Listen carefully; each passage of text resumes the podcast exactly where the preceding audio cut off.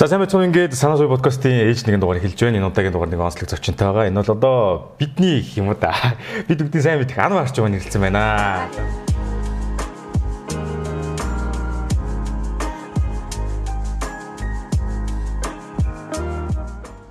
Та ямар нэгэн ажил төрөл эсвэл бизнес эхэлж байх чинь саад бэрхшээл зөндөөл гарч ирсэн баг. Тухайн цаг үедээ бол дааж давшгүй их санагдаж байсан. Харин дараа нь эргээд харахад бол энэ жижигхэн асуудал байсан байдаг. Амжилтанд хүрсэн түүхийг бүгд л ярьдаг. Харин уналтын түүхийг баг хинч ярьдаг анзаарлаа. Тиймээс айцтайгаа нүүр тулан босож ирсэн болон ирээдүйд гарч болцсошгүй жишээнүүдийг хуваалцахаар шийдлээ. Гэхдээ байзаараа бид нар ер нь яагаад ингэхдээ алдаад бүдрээд байдаг вэ? Уналтаас сургамж авч санаа суй. Намаг Эрдэнэтр гэдэг санаа суй подкастын хост байна. Баярлалаа. Сайн уу ирсэнд. Уулзааг их бодсон байх шүү. Анаатайгаа. За ингээд түүх сөхөл ануу дээр ч одоо танилцуулаад найзуулаад одоо баг 14 дэх жилүүг орж гэж. Чи бас ингэж шууд нас хэлж болохгүй.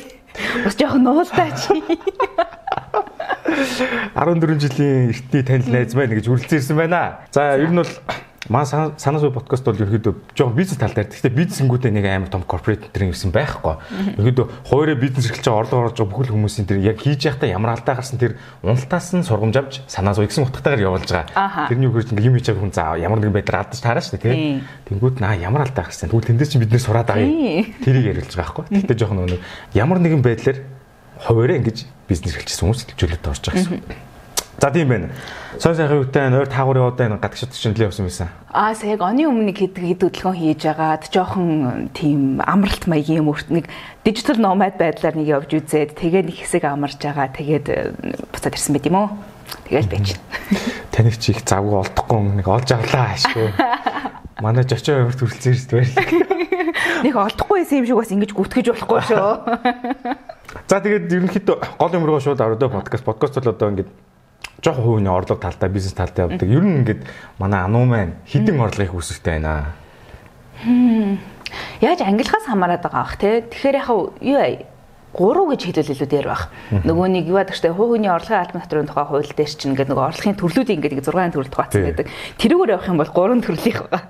Яг их усүргээ бодох юм бол одоо төрлөөр нь тоолох юм бол 3, их усүрээр нь тоолох юм бол нэлээд олон болчихж байгаа юм л да.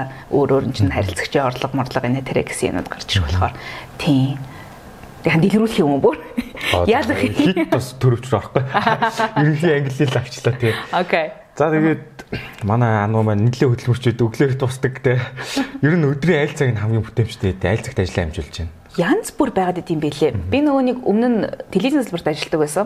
Тэгж яхад бол миний ажлын цагийн хуваарч өглөө өглөө 7 цагаас одоо үдээс хойш 16 цаг хүртэлхгүй нөгөө албан ёсны цаг нь Түнс яг бас яг 16 цагтаа бас тарж исэн нөгөө үл бас байн биш биш л дээ. А тэгэнгүүт нөгөө өглөө тийм 7-оос эхлээд 16 цаг байчингууд өглөөдөө нөгөө өөртөө цаг гаргах зорилгоор өглөө би чинь 4 цаг махт босдог байсан байхгүй юу? Тухайн үедээ тэгэж болгодог.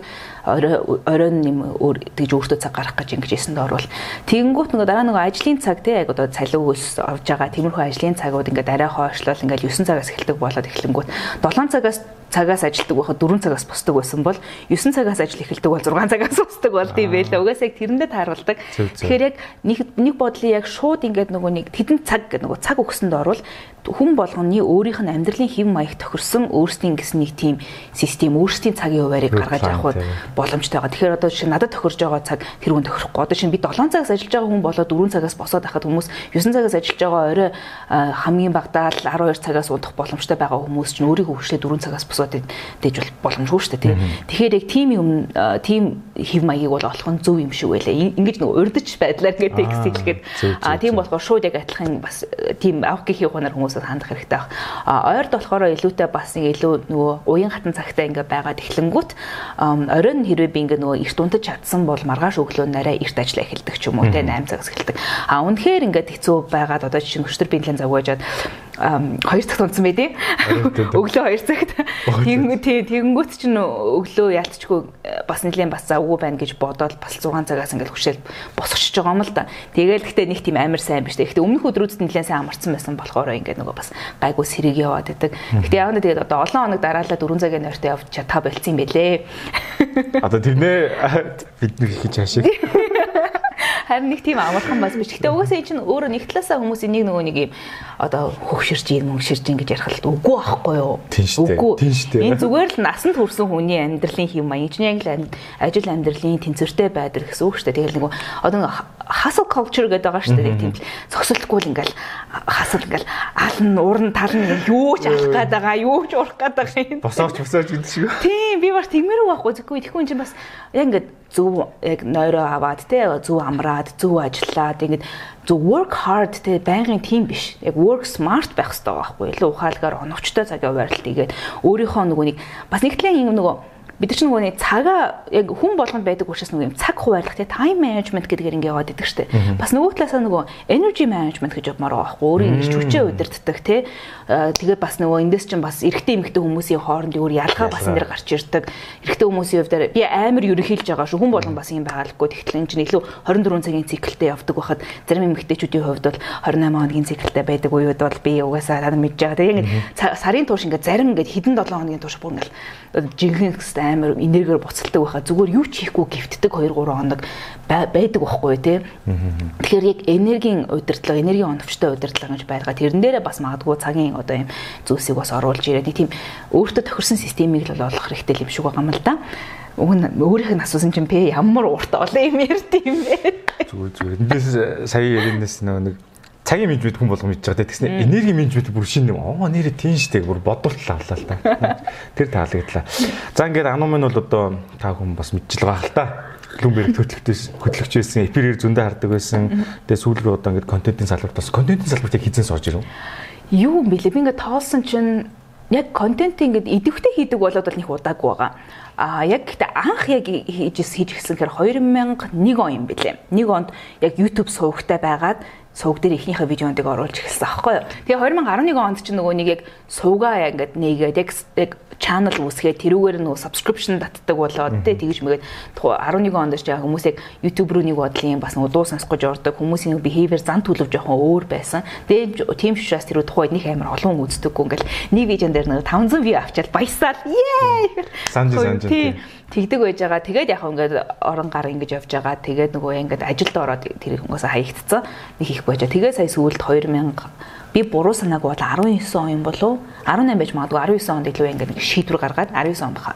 Яг шийдвэр гаргаад за одоо яг ингээд байнгын оруулна гэл 8 сард яг нэг 100 дуусгаад намрал хэлжсэн. Одоо яг тогтмол юу байна? Энд чи яг нөгөө нэг юм ажил шиг хандах хэвээр. Хүмүүс нөгөө контент бүтээлхийг ингээд оронгууд ингээд чөлөө цагаараа хийдэг зүйл гэж ингэж ойлгоод байдаг. Яг мэдээж хэрэг ажил хийж чадаа ажил руу явж болж чөлөө цагаар хийдэг зүйл. Гэхдээ ажилд хандж байгаа юм шиг юм менталити юм сэтгэхүүгээр энэ контент бүтээлийн процесс бол хандах хэрэгтэй байгаа байхгүй юу? Тэгээд тэгэнгүүт ч би ингээд төлөвлөгөө гаргаж маргаад яг канбан боорд морттай нөгөөтгөө ингээд нөгөө editorial calendar гэдэг л дээ контентын календар ингэж үүсгээд Тэгээд нөгөө нэг за 7 хоног болохоо одоо оруулна. 7 хоногт болгонны даваа гаргийн өглөө заавал нэг видео орно гэдэг. Ингээ өөртөө ингээ хуваар ингээ тавьчингууд тэнгууд хүмүүс ингээ за завтаа болохоро нэг видео хийн, гоё ингээ инспирац орохоро нэг хийн гэдэг ингээ хүлээгээд ингээ гифтэд авах юм бол энэ бүтэхгүй юм байна. Зүгээр л өөртөө ингээ цагийн хуваар ингээ таймлайн гаргаж цагийн хуваар гаргаж өгөө тэрэн дээр их юм бол тэрэндээ өөрөө ингээ одоо яг барина гэх юм бол тэгэл барьтгэл юм байхгүй юу барьтгэл юм байлээ яг зарим 7 хоногт нэг 7 хоног болгон амар гоё амар бүтээлчтэй ста шижгэнсэн контент гарахгүй байж магадгүй л дээ. А гэхдээ гол нь нөгөө байнгын ингэ нөгөө хийлгээд идэм байлээ. Тэгээд эрэнгүүт яг эхний тэр тийм эхний тэр 2001 он гэж андуураад 2011 оноос одоо 2019 он хүртэх 8 жилийн хугацаанд зөвөр ингээд нэг ингэс хийгээл байгаж явж байгаа тэр чинь 19 онд чинь би эргүүлээд нэг сувгаа идэвхжүүлэхш нэг 1500 subscriberтай байсан юм уу да. Тэгэл ингээ орхигдсон байгаа байхгүй.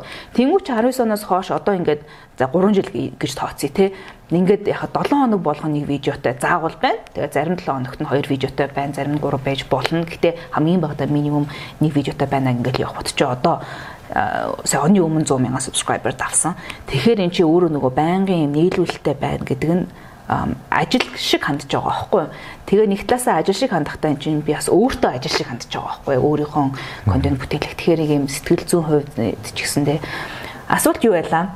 Контентын салбарт хизээ болж ирсэн гэсэн. За, сувгаа бол 2011 онд үүсгэсэн юм байна. Аа, тэгээ тэр үед бол видео хийсэн санаж бид нэг кино сонирхтой холбоог кино үзээд ингээд камертай яваад бидний бичлэг бүр байраг баяж байгаа. За, тэгж тэгж явж байгаад 2019-наас тогтвор доктортой ажиллаж гисэн юм. За тэгээ ануугийн нэг авууштай. За авууштай ч бүр доктортой гоё юм keep retention тэгээ бүр 7 хоног болгоно нэгт бүр хизээч алгасч байгаагүй энэ 3 жилийн хугацаанд бүр маш тогтвортой болдог. Одоо би миг бол ингээд доктортой өдрөө за явахтай гэл за орхичдаг байхгүй юу. Тэгэд ана бол хизээч тэгж байгаагүй. Нэг удаа алдсан юм аа. Тэр яг нэг удаа л алдсан. Юу яагаад яг нөгөө томилолтой явж таарад яг замд байсан байхгүй юу. Аа тэгээд нэг бас хоёр ч юм байна л да. Тэр замд явах дээр би хоцроос юм а өглөө 7 цагт нийтлэлтгийгээ би нэг 9 цаг магт нийтлэлөө 10 цаг магт үл нийтлэлөө тэгсэн. А нэгэн дээр нь би нэг өөр амар токсик юутай ажиллагчтай байсан байхгүй тэр үед. Яг тэр нөгөө хоцроодаг. Тэгээд бүр ингээд өглөө 8 8 цагт цаг тэрнээс өмнө 7-оос очиод орой 10 23 цаг мах хүртэл тардаг замын нэг тийм нэг яг нэг 4 сар би нэг амар токсик хөдөлмөрийн харилцаанд байж таарад яг тэгэж байж байгаа бүтэн 7 хоног ажлын 5 өдөр хагасаа бүтэн сайнгуу тэгэж ингэж байж байгаад яг нэг видео биш үнэхээр амжаагүй байхгүй. Бичгэн битгий эвлүү эвлүүхэн битгий бичиж амжаагүй. Тэгээд ингээ за яах вэ гэдэг ингээ нөгөөсөө нөгөө видео бичхүү унтаж амархуу дээрээ ингээд толонгууд за би үнэхээр унтаж амархгүй болчихдохгүй юм байна ингээд байсан яасахгүй. Тэгснээр бас тэгэж нөгөө нэг алдчихмаар юм бэлээ. Гоё нь яагаад би хуваалцах гэсэн гэхээр алдангууд ингээд гоё нь би яг тэр үед ингээд 7 хоног болгон хийгээлээдэг хийгээлээдэг контент хийгээлээдэг буцаад хүмүүс баярлаа гэдэг гоё юмнууд бас ингээд орж ирдэг ч гэсэндээ бас ингээд нэг тийм хүн хэрэгтэй байгаад байгаа мó гэх фидбэк бүрэн дүрэн авчихгүй байсан байхгүй. Тэс чиний ингээд алга болцсон чинь 7 цагаас эхлээл миний инстаграм мессежээр хамгийн сүүлд орсон YouTube-ийн коммент гэл ануу зүгээр үү? Яасан бэ? Чи яа? Хүмүүс ингээд ингээд яг ингээд хүлээдэг болсон. Яг цагтаа хүлээдэг болсон. Яг нөгөө магадгүй хүмүүсийн 7 хоногийн аюул олон хүний тийм нөгөө 7 хоногийн эхлэл миний видео юм байна л да. Тийм болохоор яг нөгөө 7 цагт ордог учраас өглөө одоо нөгөө одоо 9 цагаас ирээ ажил нь эхэлдэг бол магадгүй өглөө ингээд шүдөө гаж хата видео иж болох байхгүй тий.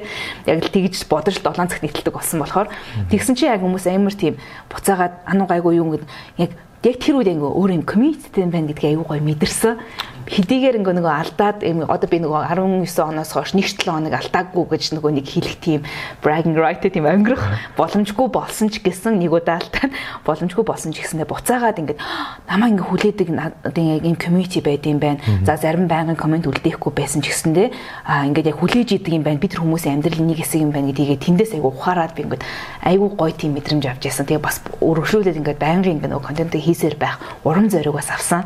Тэгэхээр бас ингээд магадгүй санаас уу бас үзэгчэд байгаа бол байнгын үздэг хүмүүс байгаа бол хаяа энэ хүнд бас ингээд бас нэг хайр үзүүлчихэж байгаараа хүмүүсээ гоё шүү гэл ингээд тэ тэгэхгүй ингээд хүмүүс чинь нөгөө нэг negativity bias гэдэг л ингээд юм сөрөг нь гарч ирэх юм бол тэр комментэр ингээд илэрхийлээд идэг таалагдсан ч юм уу гоё юм болох юм бол нэг хилдэггүй ингээд өрөөчдөг а тэнгуут нөгөө талд ингээд хийж байгаа хүмүүс бас л хүн штэ. Тэр юм хүмүүс нөгөө урам хэрэг болдог хаяа. Тэгээ дандаа юм сөрөг юмнууд хэрэг яг дандаа биш л их нүг ихэнд энэ орж ирж байгаанууд нь сөрөг байгаад тахлаар жинхнээсээ ингээд тэр чигээрээ сөрөг юм болов гэдэг юм зүгээр өөрийн мэдхгүй заримдаа тийм нөгөө хөдөлт авч тэгэхгүй нөгөө нэг бас нэг юм хайр мэдрэх гоё гэдэг юм байлээ Тийм тэгэхээр одоо үзэж байгаа бол нэрээ Батраад хайраа илэрхийлцгээр хүмүүсээ. За баярлалаа. Яг ингээд контент хийдэг хүмүүс яг мэдрээд гоё хэлж байна. Контент хийдэг хүмүүс бас ойлгодсон шүү эднийг бол тийм адилхан юмнууд өгдөг тийм. Негатив юм ч гэсэн мэс мэдж байгаа тийм. Ялангуяа эмхтөнд хэцүү байдаг мэднэ. За тиймэрхүү ингээд контентыг бол алгасахгүй тууштай оруулдаг юм хүн байна. За ингээд та. За. Үндсэн мэрэгчлж болохоор сэтгүү шүү дээ би нөгөө сэтгүүл зүйн салбарт ажиллаж байсан гэхдээ сэтгүүлч биш байхгүй юу. Хүмүүс яг тэгэж боддیں۔ Би юу яг бакалавра болохоор би юугаар хийсэн олон улсын эдийн засгийн харилцаа. Эдийн засгийн харилцаа. Магистра болохоор MBA хийгээд дотроо organization design буюу байгууллагын дизайнер мэргэсэн байхгүй. Тийм тэгээд яг зүгээр төгсөх курстэй зүгээр ингээд нөгөө сүүлийн семестртээ ингээд амар их цагтаа олчихгүй нэг хичээлүүдгүй болцсон. Тэгэхээр н ажил хайж байгаа зүгээр шүү тэгээ телевиз рүү очиод орчуулга хийж эхэлснэ тэгээд тэгээ гулгаад альтраад ингээд ингээд бүр өнхрөөд орцсон байт юм аа. Л орцсон тий. Тэр л орцсон байт. Тэгэхээр эндээс юу гэж асууж байгаа нэхэр сая мэрэгжлийн мэдлээ. Ануугийнхаа тэгсэн чинь цаашаа эндээс юу гэж асууж байгаа нэхэр энэс өөр мэрэгжил сонгосон бол юу ямар мэрэгчлэр явах байсан бэ зүгээр дотроо өөр боддог хэрвээ тэгэр байсан бол гоё ээжтэй гэсэн юм боддог зүйл байдаг. Гоё ээжтэй гэхээс бас яг Би нөгөө хуваар анги авахтаа мөс төгсөн. Тэгээд нөгөө хуваар ангиал авахтаа олон улсын эдийн засгийн харилцаа дээр өгсөн. Тэрнэр нэг бас дээгүүр жагсаагүй байсан юм. Бараг нөгөө баталгаатай биш байсан байхгүй юу? Уртлынх нь хүүхдүүд нь хэрвээ авахгүй болоо дээшилж магадгүй. Тэнгүүтээ би нөгөө эрхцүүдээр олон улсын эрхцүүдээр хоёр ч гисэн байсан юм. Тэгснээ амар сонио цөмийн физик очиод бас хуваар авцсан. Тэрнэр бас хоёр шүү дээ. Ингээ бас баталгаатай байсан байхгүй. Тэгээд ингээ бодсноо. Тэгсэн чинь яг нөгөө хуваар дуудах одоо үйл ажиллагаа нь болохоор энэ миний одоо орцсон сургуулийнх нь төрүүлээд болчихгүй юу. Тэгээд төрүүлээд дуудсан чинь тэг би ингээ зүгээр явж ирээд авцсан байхгүй юу. Яг үнэд амар тийм юутай байгаагүй. Аа тэгэхээр магадгүй амар тийм золоор ингээ сонгоцсон байгаа мэрэгжил байгаад байгаа. Хэрвээ тэгэхээр хэрвээ тэрэн дээр одоо чи энэ хуваарьнд дүүрсэн байж таарад намын ирээрээ дуудаагүй болоод би хууль руу орох гэсэн баг гэж боддог. Илүү эрх зүйн чиглэл рүү тэгээ магадгүй илүү иргэний хуулиар магадгүй эсвэл магадгүй нөгөө компани тухай хууль дээр ирсэн ч юм уу. Би өөрөө тиймэрхүү юм дээр бас айгу дуртай дуу. Аа тийх байсан байх. А гэхдээ нөгөөний нөгөө нөгөө inner creator нь гарч ирээд байх байсан байж магадгүй л дээ. Аа тэгэхээр тэрнтэй хэр зөгцдөг юм байгаа сайн мэдэхгүй байна. Гэхдээ сүүлийн үед бас яг хуульснаар ч гэсэндээ бас өөрсдийнхөө салбарынхаа мэдлэг мэдээллийг бас бусадтай хуваалцах гэж бас өөрсдөө контентийг сонирхолтой болж модлоод ингээд эхэлж бас магад болохоор магадгүй бас тийм хүмүүсийн нэг болцсон байхыг бас үгүйсэхгүй. Хуульч шууд шууд бууж панк гэл. Тэгээ хуульч бүртэл ажуул контент хийж ямар ч асуудал юм.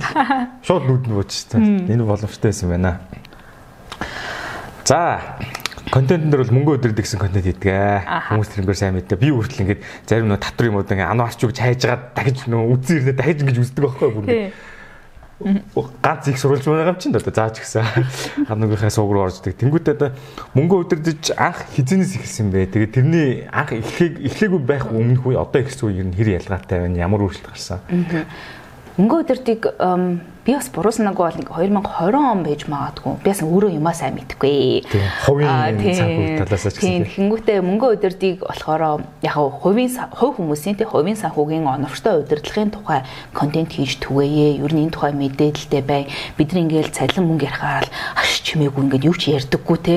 Ерөөс ил тод энэ бидний ингээд нээлттэй ярих ёстой сэдвүүдийн нэг маань бас юм байна гэж бодоод тэгээд энгийн нэг мөнгө удирдыг цувралынхаа хүрээнд илүү хувийн санхүү оновчтой удирдлагын тухай ерөхийн контентууд хийгээд нэмээд би яг өөрийнхөө хувийн санхүүг ер нь яаж удирдах байгаа юм бэ гэсэн агуулгууд ингээд багтаагаад ингээд хуваалцад ирэнгүүт нэг талаасаа ингээд нөгөө ингэдэг тэгдэг гэдэг юм хүндлэнгийн юм ярих биш те. Би ингэж гинэ гэд магадгүй зарим нэг талаасаа өөрөөрөө үлгэрлээд ингээд явах юм бол бас хүмүүс илүү урам өгөх юм болов эсвэл магадгүй зүгээр сэтэл өгөх юм болов гэж бас бодож эхлүүлсэн баггүй юу? Тэгээ бас яг тухайн үед ч гэсэндээ бас иймэрхүү өөрөө нөгөө мөнгө гингүүт айгу тийм хүмүүс нэг ярьдаггүй нэг цөөхөн сэдвүүд байдаг штэ. Ерөөсөө ярьж болохгүй табу гэдэг те тэдэр нэг нэг мөнгө байгаад ингээд ингэ чинь байчингууд эн чинь өмнөх үеийн зүйл байгаа байхгүй. Одоо шинэ үе рүүгээ ингээ орж ирэх. За магадгүй Монголд яг шууд автоматар буухгүй ч гэснээр бид нар бас нэг талаасаа нэг millennial Gen Z гэдэг ингээ жоохон identify гэдэг жоохон өөрсдийн тэдрүүгээр тодорхойлоод идэг шүү дээ. Яг таг ингээ оноор бас буухгүй биш магадгүй чи өөрөө соёлын контексттэй, нийгмийн эдийн засгийн контексттэй, улс төрийн контекст хүртэл энэ дэр орж ирж байгаа. Тэгтээ ингээд millennial-ийн үеүүдийг харахаар одоо хоёулаа millennial шүү дээ нэг талаасаа тий. Тэгэнгүүт бас яг иймэрхүү юм дээр юм чөлөөтэй байдаг чөлөөтэй гэдэг нь хамаг юма яриад яваад байх гэсэн үг биш тийм ингээд ярих ёстой юм аа эний тухай ингээд мэддэг байгаа ч гэдэг нэг тийм юмыг ярих хэрэгтэй байгаа даа байхгүй юу? Тийм тэр дотроо ингээд бариад ингээд явдаг. Тэгэнгүүтээ эргээ бодох нэ би бүр ямар урт хариулдаг сонир хүн бэ? Ингээд эргээ бодох нэ би ингээд ажилд ороод одоо оюутан байхдаа ингээд хамгийн сүүлээс мэжтэй ажилд ороод Тэгэл ингээл цалингаа аваад ингээл эхлэхдээ ингээл бид нар чинь миний орлого гэл бүзэн ингээд бодонгууд миний дасанд орж байгаа мөнгө л бодоод байгаа байхгүй орлого. Тэгэл аажмаар ингээд манай ажилуулагч нар дээр байсан ихлэнгууд мэдэндээ хил амын сугуулчих гээд баах юм асуугаад байдаг байсан гэд. Тэгээд тэндээс ингээд дараа нь ингээд тухайд үцэхнээ ингээд нийгмийн дадлын шимтгэл гэж юу юм. Хувь хүний орлогын татвар гэд хамгийн энгийн зүйл гоё. Бид нар чи эхлээл яг цалин авч эхэлдэг учраас тиймэрхүү татвар шимтгэлүүд ингээд ороод ирж байгаа байхгүй. Тэгээд ингээд ихсэн чинь базара базара базара. Би чинь хөдөлмөрийн гэрээг ингээд зурхтаа ингээд нэг тодорхой дүнгээр зурцсан. Тэгсэн мэт тэр дүнгээр миний даасанд орж ирэхгүй байгаа дээ. Шимтгэлүүд ингээд хуваацсан. Тэнгүүт байцаар юм чи миний орлого чинь ийм байхад биеийн хэмжээний зардлыг шимтгэлд ингээд нийгмийн даатны шимтгэлийг өгөөд байгаа юм байна. Хувийн орлогын албан татвар гэдэг өгөөд байгаа юм байна гэнгүүт бас нэг талаасаа баг байхад ингээд телевизээр татвар төлөгчдийн мөнгөөр гэж ярьдаг байсан хүмүүсийн нөгөө тэр сентиментийг ойлгож эхэлж байгаа байхгүй. Тэгээ нөгөө талаас яг тэрийг ухамсарлаад эхлэнгүүт өөрөө ингээд яг иргэн болт юм билээ. Буцаагаад ингээд би ажиллаад биеийг хөдөлмөрлөөд өөрийнхөө хөдөлмөрийн үр шимийг ингээд авч идэл тэрнээс татвар авчиж байгаа. Тэгэхээр миний мөнгийг тэр чинь миний мөнгийг авчиж байгаа. Тэгэхээр миний мөнгийг авсан юм бол буцаагаад буцаага надад юу өгöd байгаа. Миний одоо community юу өгöd байгаа. Тэ миний манай ингээд иргэдэд юу өгöd байгаа гэдгийг буцаах юм шаардах юм эрэх холбоо үүсдэг юм билээ.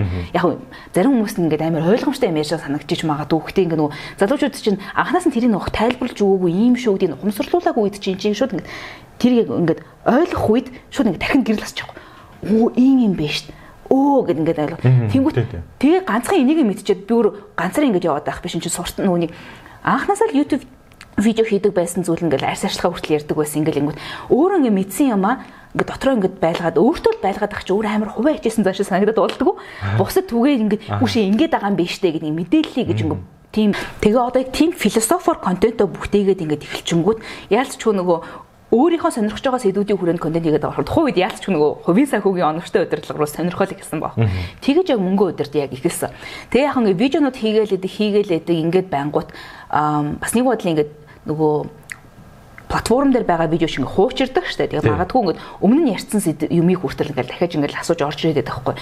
Тэний бодлын бас видеонууд бас өөрөө бүрэн энциклопедиа бас болохгүй байна. Бүх мэдээлэл болохгүй байна гэдгийг бас сүултээ ухаан гот одоо ном бичээд эхэлсэн тэрнээ мөнгө өдөртийгээ ном бичээд одоо арай дуусаагүй байгаа. Би өнгөрсөн онд багтаж гаргая гэж бодсон чи арай арай чадсангүй. Гэхдээ ингээ нэг тиймэрхүү байдлаар. Гэхдээ энэ нь заавал нөгөө нэг хүмүүс ингээ хувийн саг онортой удирдлага гिचингүүт албаа би нөгөө санхүү гэж нэг амар үгийг бас ямааргүй байна л да. Хүмүүс нь мөнгө ярих гэхээр заавал мөнгөтэй хүмүүсийн ярддаг зүйл гэж бодоод байхгүй. Мөнгө чинь заавал мөнгөтэй байж ярих албагүй. Баг одоо жишээ нь дүнгэж ингээ ажил гарч эхлээл ингээ 500 500 мянган төгрөгийн цалинтай ингээл гарч эхэлжсэн хүмүүс хүртэл энийг чинь ашиг яаж болохгүй. Одоо ч 5 одоо ч хөдөлмөрийн доод төлс чинь хүртэл арай тэрнээс өсөө хэлэхгүй. 500 болсон. 500 болсон байгаа шүү дээ. Нэг сарын нэгнээс. Тийм. Тэгэнгүүт ингээд өсөөд өсөөд гэн тийм учраас ингээд оновчтой удирдлага чинь бүх төвшин дээрээ хэрэгжиж болдго юм а. Зүгээр энийг илүү мэдээлэлтэй байхад яг яадгийн ийдгийн гэдэг мэдээлэлтэй байхад яг бодтой бүрэн дүүрэн мэдээллийг авсан хүн чинь оновчтой шийдвэр гаргадаг. Бусад хүмүүс за ингэ гэснийг дагаж хийгээд байхаалгүй. Ерөөс мэдээллүүдийг өөртөө тохиромжтой мэдээлэл цуглуулж хагаад тэгээ өөрийнхөө нөхцөл байдалд ингээд тааруулан шийдвэр гаргах шаардлагатай. Одоо тэр өглөө босч мосдогч хүртэл яг л тийм л байхгүй тий тухайн нөхцөл байдал тохирсон хамгийн оновчтой шийдвэр гаргах. Тэгээд тэр нь ч гэсэн хувийн санхүүд чинь нөлөөлж л авах хэрэгтэй байхгүй. Хүмүүс чинь ингээд хадгаламж хийе гэл ингүүт хадгалж чадахгүй байх, юу байхгүй байх гэл ингэхээр тэгэл хамгийн багтаа 100 сая төгрөгөөр эсвэл хадгаламжиндаа нэмэх хэрэгтэй юм шиг бодоод байдаг байхгүй. Тэгэхээр нэг банкныхаа банкныхаа интернет одоо банк ашиглаад данс өөрийнхөө данс хоорондоо чинь шилжүүлэх ч үнэгүй шүү дээ одоо шилжүүлэхийн хөөсгүй те тиймэрхүү юм шиг мянган төгрөгчсөндөө ингээ хөрөнгөл рүү хийж болох байхгүй. Өдрөөр тохируулчихж байгаа шүү дээ. Тэгсэн ч болно те тийм ухаалаг байдлаар ингээ хийж болно. Тэгэхээр чин хөрөнгөл гэдэг чинь аа эн чин заавал нөгөө том зүйл биш юм байна. Өсөр биш ээ. Одоо хөрөнгө оруулна гэдэг чинь бас заавал хэдэн 10 саяар нь оруулах биш. Эн чин ингээ нэг 200 мянгаарч бонд авчиж болох байхгүй те. Тэгэхээр тиймэрхүү яриаг илүү өрнүүлэе гэж бодож ингээ яг ярьж эхэлсэн. Аа мөнгө удирдыг бол тэгээд өөрийнхөө мэдээллийг бас хуваалцъя. Аа хүмүүс бас тэгээд нөгөө талдаа бас юу л да мөнгө ярддаг нэг эмхтэн хүн байхгүйсэн байхгүй юу? хүмүүсийн нүдэнд аа илүү мөнгө гэр хүмүүсийн сан өрхийн санхүү удирдах тэгэл өрхийн одоо яг гол нөгөө орлого олдог хүмүүс нь уламжил тутгаараа эрэгтэй хүмүүс байгаад байд. Тэгээ Монголын нийгэмд ч гэсэн тэгээ мөнгө ярддаг хүмүүс илүү эрэгтэй хүмүүс байгаад байгаа. Тэр стереотип улам ингээд ингээ ухаад байгаа байхгүй. А тэгэнгүүт чинь одоогийн нийгэмдэр миний үеийн айгүй мундаг эмэгтэйчүүд байна, бүсгүүчүүд байна. Магадгүй дараагийн бас ийм professional мэрэгжлийн зах зээл дээр ажиллах гэж байгаа ийм эмэгтэйчүүд өөрсдийнхөө мөнгөтэй эмэгтэйчүүд байж штэ. Тэгэхээр ийм үү байгаа шүү гэдгийг бас илэрхийлэх хэн хэрэгтэй байна гэж бодож онготой үнийг ярьдیں۔ Яа дий ярил та гэж бодоод бас эмэгтэй төрх оруулж ирээ гэж бас тийм сонирхол бас байсан. Аа тэгэхээр зөвхөн мөнгө хэрэгэл эрэгтэй хүн санд орж ирдэг. Ягаад бас эмэгтэй хүнийг бас талаасаа байж болох гэж. За мөнгө өдөрдөө ийм төвхтэй байна гэх сонирхолтой. Яг ануу хэлдэг үнэлтэй дандаа эрэгтэй хүмүүс голцох ярьж байдаг. Тэг хүн тэгтээ хүмүүс ерөөдөө эрэгтэй хүнээс ингээд мэдээлэл ч юм уу контент аваад жоохон сурцсан. Бүтэнхээр гайхаад ижидэг. Тэг тэрийг эвдэж ингэж гарч ирсэн. Тэг ануугийн араас зөндөө хүүхдүүд урамшаад бас адилхан YouTube хийж лээсэн баг. Чамаас зөндөө хүмүүс асууж лээсэн баг. Яах вэ гэл. Тэр бүгд нь хариулаад явж байдаг. За ийм байна. YouTube-ээс бол орлого олсноо ингээ илт дэлгэрэнгүй тэд орсоо ингээ зарлаад YouTube дээр хийчдэг тий. Оо ингэ тийм аа ингээ ингээ. Ер нь тэд YouTube-өр баг ховор. За сүүл золбоод ивэн гэж яах шиг байсан. Ер нь бол ихэнх нь харуулдаг байхгүй. Нэг бол юу гэдэг хит баг гэдэг ч юм уу, саан зовдөг ч юм уу Тэ тэргүүл нэг нууг одоо бидэнд харуулсан. Тэг яаж тэг холбоотой бүх юм заасан. Тэгэхээр миний хэлж байгаа бол ганц YouTube-ээс л орлого бол бас тийм хангалттай биш. Монгол нөхцөлд бол. А үүнээс гадна яг энэ контентөөрөө дамжуулж өөр ямар орлогыг хүсвэн. Түрүү яг орлогыг хүсвэхээр 3 хэсвэр хэлсэн л дээ тий. Одоо дахиад жоохон ангилж байна. Дижитал контент дотроо орлого нь яаж явж байна. Одоо Instagram бас орж ирэхэд байна тий. Зөв зөв. Иван яг нөгөө контент орлогын төрөл гэдэг үзэнгүүт одоо миний санаанд орж ирсэн зүйл нэхэр нөгөө байхгүй. Цалин хөлс түнтэй адилдах орлого урамшуулал гэдэг тэр төрлийн орлого болж байгаа. Аа тэгээ үйл ажиллагааны орлого гэж байгаа. Тэгээ гуравт нь болохоор хөрөнгөний орлого гэж байгаа байхгүй. За цалин хөлс бол ойлгомжтой хэдүүлээ цалин аваад ингэж яаж байгаа. Үйл ажиллагаа гингүүт яг нөгөө тухайн хүн хүн ч вэ нүү аж ахуй нэгч вэ нүү хуулийн этгээд үйл ажиллагаа эрхэлж олсон орлогыг үйл ажиллагааны орлого гэдэг. За дахиад илүүгээд тайлбарлая. Тэгэнгүүт тэр чинь одоо нөгөө бид нэг 2020 оноос эхлээд татврын багц хууль шинжлэгдээд бүгдээрээ и баримт гаргадаг болсон шүү дээ. Тэгээ и баримттай ингээ болонгууд яа гэхээр компаниуд ч гэсэндээ одоо жишээ нь чийч байна, би ч байна илүү маркетингийн үйл ажиллагаа эрхэлдэг гэж бас хэлж бас болох байх. А компаниудын одоо инфлюенсер маркетингээр хурж байгаа сувгуудынх нь нэг нь ингээ болчин тий магадгүй ингээ аливаа бүтээгдэхүүн үйлчлэгээ бусад таниулъя, илүү мэдээллийг түгээе гэж сонирхож байгаа юм бол бид нар шиг хүмүүстэй бас ингэж холбогдох тохиолдол байдаг. А тэгээд магадгүй тэр харилцагч талын ингээ хүсэж байгаа хүсэл миний deliver хийж чадах тэр боломжууд ингээд огтлцоо тий. Тэгэхээр энэ зөвхөн хоёроос гадна дахиад гурав дахь нэг үзэж байгаа community-д маань үнэхээр үнцэнтэй зүйл хэрэг байна гэд гурван талын ашиг сонирхол гуруулаа ингээд нийцэх юм бол тэнцээ хамтын ажиллагаа үүснэ. Нөгөөсөө контент ингээ үүснэ. Тэгээд тэрнгүү тэгж байгаа компаниуд ч нөгөө нэг одоо ингээ надад мөнгө төлнө штэ тиймэрхүү. Тэнгүүт ингээд мөнгө ингээ төлөхдөө тэр чинь тэдний зардал болчих жоохгүй. Тэнгүүт зардлаа ингээ тайлангахтаа энэ бол маркетингийн зардал юм а гэх нэг төсөөр ингээ гарах гингүү тэд нар зардлаа тайлгсан и баримт хэрэгтэй болчих жоохгүй. Тэнгүүт би буцаагаад и баримт гаргаж өгч жоохгүй. Төлбөрийн баримт ингээ шивж өгнө. Тэнгүүт тэгж шивээд олж ирж байгаа орлогыг чинь одоо татвар одоо хууль дээр болохоор үйл ажиллагааны орлого гэж ангилаад бүртгэж авч байгаа. Тэгж бүртгэж байгаа. Тэгээд үйл ажиллагааны орлого ороод ирсэн. Тэгэхээр миний яг үйл ажиллагааны орлого гэж нэрлэж байгаа бүх зүйл дотор одоо чиний саний асууж байгаа илүү нөгөө нэг яг YouTube-ээс гаднах те AdSense-ээс гаднах бусад тэр орлого бүгдээр тэр дотор ангилагдаад явчихж байгаа юм. Яг хав зарим байгууллагууд нөгөө нэг илүү цалин шиг байдлаар те нийгмийн даатгал суутгаа нийгмийн даатгалын шимтгэл суутгаа суутгаад хувийн орлогын татвар татвар суутгаад ингэж өгөх заав гэд танаа үйл ажиллагаанд хэрвээ тэр зохицож байгаа бол тэр системд нь бас ороод ингэж явж болно гэд. А нөгөө талаасаа бас нөгөө тооцоо бүртгэл дээр бас яг и баримт аваад яваадах үн үн айгүй хялбархан баггүй юу. Тэгээд и баримт гаргаад өгчөж байгаа хүн чинь буцаагаад үйл ажиллагааны орлогоосоо жилдээ нэг удаа татвараа төлнө нь одоо чинь 2 сарын 10-наас өмнө лөө 15-наас өмнө 2 сарын 10 10 тий аж ахуйн нэгжүү 2 хүн хоёрын 5 хоногийн зөрүүтэй байгаад дим байлаа. Тэгээд ингээд нэг дор ингээд төлчин. Тэгээд эхлэхээр ингээд контент бүтээж байгаа хүн чинь бас яг татврын систем рүүгээ ороод яг тийм и баримтаа гаргаад орлогоо хүлээн зөвшөөрөөд ингээд явж байгаа хүн чинь буцаагаад бас татвараа хүртэл төлж байгаа байхгүй. Бас нэг тийм хүндлэнгийн бас буруу буруу ч хүү одоо ташаа гэх ойлголтууд байгаад идэм бэл зүгээр ингээд мөнгө болоод идэм шиг зүгээр ингээд буцаагаад ямар нэгэн орлогоосоо юм нөгөө ингэж одоо төвлөрүүлдэггүй юм шиг ойлголт байгаад байдаг байхад и баримт гаргад компаниуд нэг талаас үгүй и баримт өгөх юм бол хамтарч ажиллана гэдэг чинь баг тийм нөхцөл болчиход дээ. Тэгээд ирж байгаад и баримт гард өгсөн бол чи угаасаа орлого хүлэн зөвшөөрч байгаа. Тэгээ угаасаа л татвар бүртгэж байгаа. Бүртгэж байгаа. Угаасаа нөгөө төлөвсөн системийн нэг гоё юм тэр байгаа. Нэвтрэлтээр ороод. Тийм нэгдсэн нэвтрэлтээр ороод ингээ төвлөрч байгаа учраас угаасаа аргагүй. Тэнийг бодоо айгу амархан штэ тайлангаа илгээх чинь бас нэг тийм амар хэцүү бас биш. Яг таг амархан бас биш л дээ. Гэтэ нэг амар хэцүү биш те. Тэгээд ингээд явчихж байгаа болохоор тэгээ үйл ажиллагааны орлого. Тэгээ яг дийлэнх орлогыг маань үндсэндээ бол үйл ажиллагааны орлого бол бүрдүүлдэг. Аа ягаад тэгэхээр нөгөө нэг YouTube-ийн маань орлого бол үнэхээр бага байхгүй юу? Бүх Монгол ютуберүүд айгүй бага тэгөөсө тэрүүгээр нөгөө амжиргаа одоо залгуулна гэдэг бол боломж бол байхгүй. Монголын нөхцөлд бас яг илүү нөгөө нэг гадны ютуберуудыг үүсдэг англи хэл дээр контент хийдэг заашаа Marcus Brownlee байна тийм Marcus Brownlee жишээ нь зөвхөн affiliate income болон юугаараа YouTube AdSense-ээр орлого өртөг ерөөсөө реклам авахгүй гэдэг ингэсэн. Тэгж болж яахгүй яагаад тэгэхээр тэр хүний яг YouTube-ээс олж байгаа орлого өндөр бүтэн тэр операц авч явж болоод байгаа учраас тийм шийдвэрийг гаргаж болж байгаа. Тэгээ тийм шийдвэр гаргасан хүмүүсийг үзээд дассан хүмүүс яг тэр стандартаа одоо жишээ нь одоо жоохон одоо хөгжиж байгаа Монгол шиг юм орнуудын креаторууд одоо бүтээгчдээс ингээд нэхэд ирэнгүү зүг ингээд байж болохгүй байхгүй. Заримдаа тийм нэг юм орж ирдэг л дээ. Эрс ялгаатай байхгүй. Тийм эрс ялгаатай эдийн засгийн нөхцөл байдал, нийгмийн нөхцөл байдал нь эрсчээс ялгаатай учраас бидний хийдэг бас нөгөө ажлууд маань ч гэсэндээ бас арай өөр байх байх үндэслэлтэй.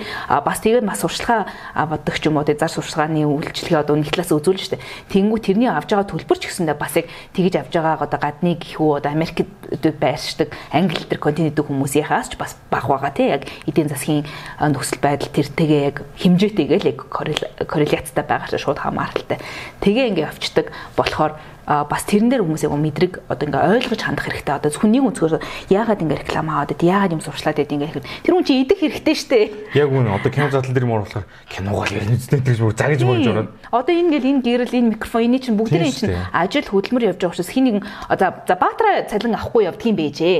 Тэгтэл одоо энэ чинь ингээл эвлүүлж байгаа хүмүүс энэ газрын түрээс гэл энэ хүмүүс чинь бас яг цалинтай байх хэрэгтэй байхгүй. Энэ хүмүүс чинь яг яг fairly paid гэж шударгаар яг яг бодит цалингаа авах хэрэгтэй байхгүй. Тэрийг чинь л иймэрхүү үйл ажиллагаа чинь санхүүжүүлээд байгаа шүү дээ яг үнэндээ. Тийм болохоор нүуник тэрийг бас ингээд ойлгоод ойлгох хэрэгтэй бүтээгчдийн нөгөө creator economy гэдэг бүтэн юм ойлголт гарсан явж те тэгэхээр энэ чинь ганцхан тухайн хүний асуудал биш. Энэ чинь тойроод бас айгүй том экосистем за томч вэ нү жижиг шөнө юм иймэрхүү зүйлүүд ингээд үүсч идэг учраас энэ дээр бас мэдрэг хандах бас бас зүв байх. Зүв зүв. За анаа бол өстой яг захтансан газар гэдэг шиг гой гой юмудаг маш гоё хэллээ. Тийм айгүй гоё мэдэрч ирлээ. Бас их одоо би одоо өөрөө хөтлөгчнөөс ингээ яриад л тас тэрийг айгүй гоё хэлж जैन ер нь бол таны үздэг дараагийн контентыг бүтээхийн тулд спонсоруудын чинь хэрэг болд юм аа л гэдэг хэлэхээр санааг айгүй гоё хэллээ.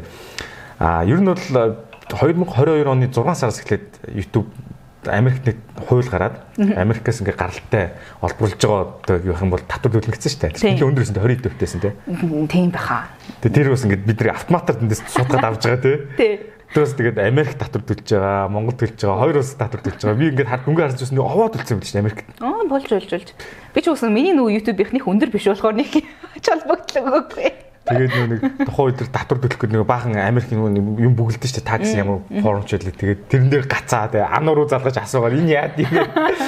Яг тиймэрхүү дээр л ануу мэд тусалж байгаа юм да. Тэгээ асууж байгаа тэрийг конфирм болго бүглээ болцсон. Буцаа гэхдээ Батар бас амар яасан ш нөгөө нэг нөгөө саарлж ихсэлт орсон штэ. Тэгсэн чинь нөгөө банкуд солигдсон доо корреспондент банк солигдсон биш чи би тэрийг солиогүй байсан байхгүй чи. Үгүй юу атсан корреспондент банка ингэж солихгүй болвол нөгөө яг орлого нь орж ирэхгүй шүү. Яг амжид солиод тэгс чи 90 тонн бас өөр хүмүүсийг бас сольж амжаагүй байсан хүмүүс дараа нь ингэж хэлж ястаа хурж мөнгө орж ихэ болцсон байх юм нэ гэж ярьж байсан. Тэгэхээр бас баярлалаа Батраа. Зүгээр зүгээр бошгол хэлж байгаа мэддэг хүмүүс тэгээ. Тийм тэрийг сонсгоо мэдээ авсан. За ингээд манай контент креаторуд бол ийм сайхан нэг нэгэндээ дэмтэй явдаг байх нэ.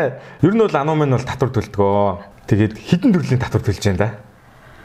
За яг өнөөдрийн байдлаар дээ. Хувь хүний орлогын албан татвар. Аа одоо яг үйл ажиллагааны орлогоос. За цалин өсөнтэй адилтгахаас бас яг хувь хүний орлогын албан татвар. Яг энэ хоёр нэг за салах чийдэ тусдаа төлөлтний гэж байгаа. Тэгээ нийгмийн даатгалын шимтгэл төлж байгаа. За яг би өөрөө төлөхгүй Гэхдээ яг би нөгөө тайлангийн илгээгээд мөнгөний шилжүүлдгээрээ бол нэмэгдсэн үртгийн албан татвар суутхан төлөгч. Тэгэхээр суутхан төлөгчийн тайлангаа илгээгээд тэрийг нь шилжүүлж өгч байгаа. Бид нөгөө нөөт төлөгч үү гэж асуудаг шүү дээ. Яг үндэ бид нөгөө нөөт төлөгч гэдэг үг чинь өөрөө бас буруу юм байлээ нүүд суутхан төлөгч гэж хэлэх хэвээр. Хүмүүс ингээ нөгөө холиод байсан учраас нөгөө 2020 оны юм дээр яг тэрийг саргаж өгсөн байгаа байхгүй. Яагаад тэгэхээр бид нэг бол и барим дэлгүүрт ороод и барим тавангууд хувь хүнээр үү байгуулгаар үү гэж асууж штэ. Тэгвэл хувь хүнээр гэл ингүүт баримтан гаргаал өнгөт ингээ харахаар бид ингээ нөөт гараад ирсэн байдаг штэ. Нөөтийн хувь гэдэг 10 ингээ юмс. Яг тэгж байгаа бол хувь хүн яг тэр хүн яг нөөтөө төлчихөж байгаа байхгүй. Нөөт төлж байгаа. Яагаад тэгвэл би худалдаа авсан үйлчлэгдрийн нэмээд нэмэгдсэн үртгийн алтан төр төлж байгаа. А гэтэл дунд нь одоо тэр худалдаа авалт хийж байгаа тал маань миний надаас авж байгаа нөөтийг нөөцийг маань ингээд төвлөрүүлж ягаад сардааныг удаа тэр татрын сан руу ингээд шилжүүлж өгч байгаа. Тэгэхээр суутхан төлж байгаа. Тэгэхээр дунд нь байгаа этгээд одоо этгээдлийг тэр хүн болох яг нөөтийг яг төлж байгаа этгээд нь бас биш байгаа байхгүй. Дамжуулан суутгах байгаа. Тэгэхээр нөгөө нэг талаасаа нөөтийн одоо татвар төлөлт маань миний яг зардал бас биш байхгүй би дамжуулж л өгч байгаа. А тэгэнгүүтээ тийм болохоор нөгөө нэг одоо чи нэг ухаалаг юу гэхээр анханасаа ингээл и баримттай гаргаж өгөөл ингээл төлбөр нь орж ирэх ингээд нөөттэй дүн орж ирж байгаа штэ. Тэгээ нөөтийн хэсэг маань анханасаа миний орлого биш байгаа байхгүй. Миний мөнгө биш. Тэгэхээр шууд салгаад ингээд тусна хийцэн байлгаж байгаа. Ер нь бүх татвар дээр л а олж байгаа орлого болгоныхоо тэгээд би нөгөө нөөт гэдэг нэг данстай Мөнгө нь орж ирэнгүүт яг нөөт нь хамаарлах гэсэн би тэр данс руу хийчихдэг. Салгаад гарчдаг. Тэгээд хүний орлого албан татвар гэдэг дахиад данстай. Тэгээ яг тэр орлогын дахиад 10% салгаа тийшээ хийчихдэг. Угаасаа төлөх нь үнэ. Тэ үсэ дэлхий яг ингээд өөрчлөх боломжгүй хоёр юм байдаг гэдэг байгаа шүү дээ. Үхэл татвар хоёртай. Тэгэхээр үсэл төлөх нь үнэ юм чинь анханаас нь миний мөнгө шүү. Одоо тархинда те энэ миний мөнгө биш гэж шууд газар дээр салгаад авчих. Газар дээр ингээд салгаж аваад. Тэг ингэ чинь тэгээд нөгөө жилдээ нэг удаа төлдөг болохоор одоо жишээ нь одоо хувийн олох нь албан татварыг бол тэгээд бүтэн жилийн хугацаатай хадгаламж болгочих жоохгүй. Тэгээд нэг тэндээ ингээд байж хата ядаж хүү болол байж хэлтэй те. Нийлмэл хүүтэй тэгэж байлгадаг. А яхаа нөгөө нөөт бол сар болгон байдаг учраас тэрийг бол ингээд хугацаатай хугацаатай байлгаад авах боломж байдаггүй. Тэгээд явчихна. Аа за миний татвар дээр энэ гурав байгаа. А за нэмээд нөгөө юу төлдөг нөгөө хадгаламжийн хүүгээс чинь татвар тооцдог шин. Чи одоо хөрөнгөний орлогын татварч үлөө бас автоматар татаад тэр рүү суутгаад авчдаг. Тэрийг бас тооцож болох бах тий. Тэр татварт орж байгаа. Тий татварт орж байгаа шүү дээ. За тийм л юм да. Одоогоор бол. За ингээ Монгол улсад амьдарч ивэл евро татвар тэгэл барыг төлж баг хүн болгон төлж байгаа дөө. Тий. Өөртөө мэд анзаараагүй ээж магадгүй. Тэрийг ингээд хүмүүс мэддэг байдаг. Тэрийг манай аногийн сувгой дэлгүүрс тайлбарладаг байгаа. Одоо ингээд бизнестэй харилцаанд ороод хүмүүсээс ингээд яг контент спонсорууд ингээд янз янз л байгаа тий. Тэнгүүтээ тийм бэрхшээл юу н гарч ирсэн. Бэрхшээл гэдэг нь нэг байгууллагатайгаа үл ойлгосох нөгөөдг нь татвар санхүүдээр буруу ойлголцоо шивдсэн ч юм уу. Тэрийг баг тайлбарж өгөөд хахад өө тийм байдгүй маа гэдэг ч юм уу. Тийм ойлголцол юу н хэрэг гарч байна. Монгол байгууллагатай. Харьцан уу гайгүй. А гэхдээ бас энэ өөрөө анханасаа тухайн байгууллагатай ажиллах уугүй юу гэдэг шийдвэрээ гаргахад тэр үе шатан дээр яригдчихдаг зүйл байхгүй юу. Аа тийхгүй ингэхгүй ингэ нэг юм бол за за уучлаарай би энэ дээр хамтарч ярих боломжгүй байна. Энд чинь тохиролцоонд хүрч чадахгүй байна гэсэн үг шүү дээ. Аа хэрвээ боломжтой гэх юм бол өөсөө нөгөө хамтарч ажиллая гэдэг шийдвэр гаргахаас өмнө тэр асуудлыг тохиролцдог учраас а бас гайгүй бод юм шиг байгаа юм. Урдчлаад нөгөө нэг альва асуудлыг ингээ өршин сэргийлж штэ. Тэгээ хоёрдугаар заавал гэрээ байгуулж ээж ажил эхэлнэ. Гэрээгээр огт ажил яг хураг хөдлөхгүй гэж хэлж болохгүй л дээ. Мэдээж хэрэг ингээ бас заримдаа өөрчлөлт нөгөө бодоод эхэлсэн байгаа тий санаагаа бодоод эхэлсэн байдаг ч гэсэн тий. Заавал гэрээний харилцаа үүсчиж тий чинь төл одоо гол ажил гүйцэтгэх гэрээ ихэвчлэн байгуулж байгаа юм. дараагаар тий зурагдсан эсвэл яг баталгаацыг gentleman's agreement-ээр бас хийж болно л да. За гэрээ баталгаац одоо одоо болтол ингээ нөгөө заавал гараар биер ш гар өсөг зурх хөстэй ингээ байгаад идэг тий тийм тохиолдлууд гэрээ бэлэн болцсон аль аль талаасаа батална гэдэг ингээ тохирцсон. Зүгээр л очиж зураагүй байгаа үед магадгүй нөгөө нэг батлагдсан гэж үзээд ажил эхэлдэг ч юм уу бас тхий тохиолдлууд бас байна. А гэхдээ тэгсэн чинь чинь нөгөө нэг гэрээний бүх нөхцөл дээр тохиролцоонд хүрээд ингээд эцэлсэн байна гэсэн үг чинь нэг талаасаа тийм. Тэгээд тэгчих юм бол бүх тэр одоо бүх хоёр талын харилцаа за заримдаа гурван талын байж болно тийм харилцаа гэрэн дээр ингээд тусгацсан учраас нөгөө асуудал үүснэ дараа нь бас магадгүй айгу гайгүй. Тэгээ ажил гүйцэтгэх гэрээ хамгийн чухал нөгөө нэг хоёр хэсэг чинь нэг нь ажлынх хэсэг гүйцэтгэх ажил нь яг юу юм гэдэг тодорхойлсон хэсэг нөгөөх нь яг төлбөр тооцооны хэсэг байгаа шүү дээ. Төлбөр нь яаж хийх тийм кэшбэк гэх юм уу бартер гэх юм юу ч байлаа гэсэн тий. Тэгэхээр яг тэр хэсгийг яг тодорхой тогтолцоод тий тохироод авсан байхад бусад нөгөө нийтлэг үндэслэл болоод захиалагчийн гүйцэтгэгчийн эрх үүргүүд чинь бас ингээ нэг бас нэг ойролцоо бас нэг хуудсан дээр уулзч болно шүү дээ. Хамгийн гол нөгөө нэг өөрчлөлтөд байдаг хоёр хэсэг нь тэр учраас. Тэгэхээр гэрээ эзэн байхад бол зүгээр аа тийм асуудал бол үүсэхээс өмнө өөрсдөө сэргийлсэн. Надад яг үүндээ тийм төвхтэй зүйл яг миний хувийн үн дээр бол тохиолдож байгаагүй. Аа тэгтээ тохиолддог хүмүүс байх л байх. Эсвэл тий би одоо санахгүй амар травматай гэдэг доош нь дарцсан юм болоо эсвэл. За манай хүчид их чамбай болохоор тэгээд тийм асуудал үүсэхгүй л анханасаа сайн тохиолцоод байлаа. Ер нь бол ингээд зүгээр жишээ болгоо хэлэхэд одоо бидний сайн мэдэх нэлээд томоохон одоо контент бүтээгчд маань ютуберүүд маань оо гэрийг чинь зурж байна контент хийх чи хийгээд нөө пост хийлгэждэг дараа нь тэгсэн чи гэрээ зураг гэдэг. Тэгснээ гэрээ зураг юм чинь хөхгүй хөхгүй. Тийм тохиолдол бол нэлээд их гарч ирсэн. Тэгээд бид нэр хоорондоо ярилцж байгаа нэг чатан дээр ютуберүүд ярилцж байгаа blacklist үүсдэг яа контент креаторыг чаддаг гаруудыг листэндээ оруулъя. Тэндээс бид ажил авч ирж бүр хүртэл ярьчихсан. Би нэг компани дэше нэмсэн нэмүүлсэн байдیں۔ Аа тий тий тий. Би нэг гэтээ тэр гэрээ мэрэ зурагдаг угаасаа нөгөө гэрээ хилтлийн шатан дээр унсан юу л да харилцагчлаасан. Тэгээ ерөнхийдөө бид нар чи хоорондоо нэг юм солилцоод идэв шүү. Ил гаргахгүйгээр. Аа тэр компани Буруу ойлгох үедээ зүгээр ингээд нэг арай ёс зүйгүй ч бизнесийн этикгүй бизнесийн ёс зүйгүй байгаа зүйлээс бусдыгаа эдгээр чинь нөгөө тийм тэр чинь бүтэн компани ажиллаж итэл нөгөө талд нь ихтэй дандаа бидаасан ганц хүмүүс өдөх байхгүй. Жогчаал хоёр үр тэнцвэргүй нөөцөө байгаа байхгүй.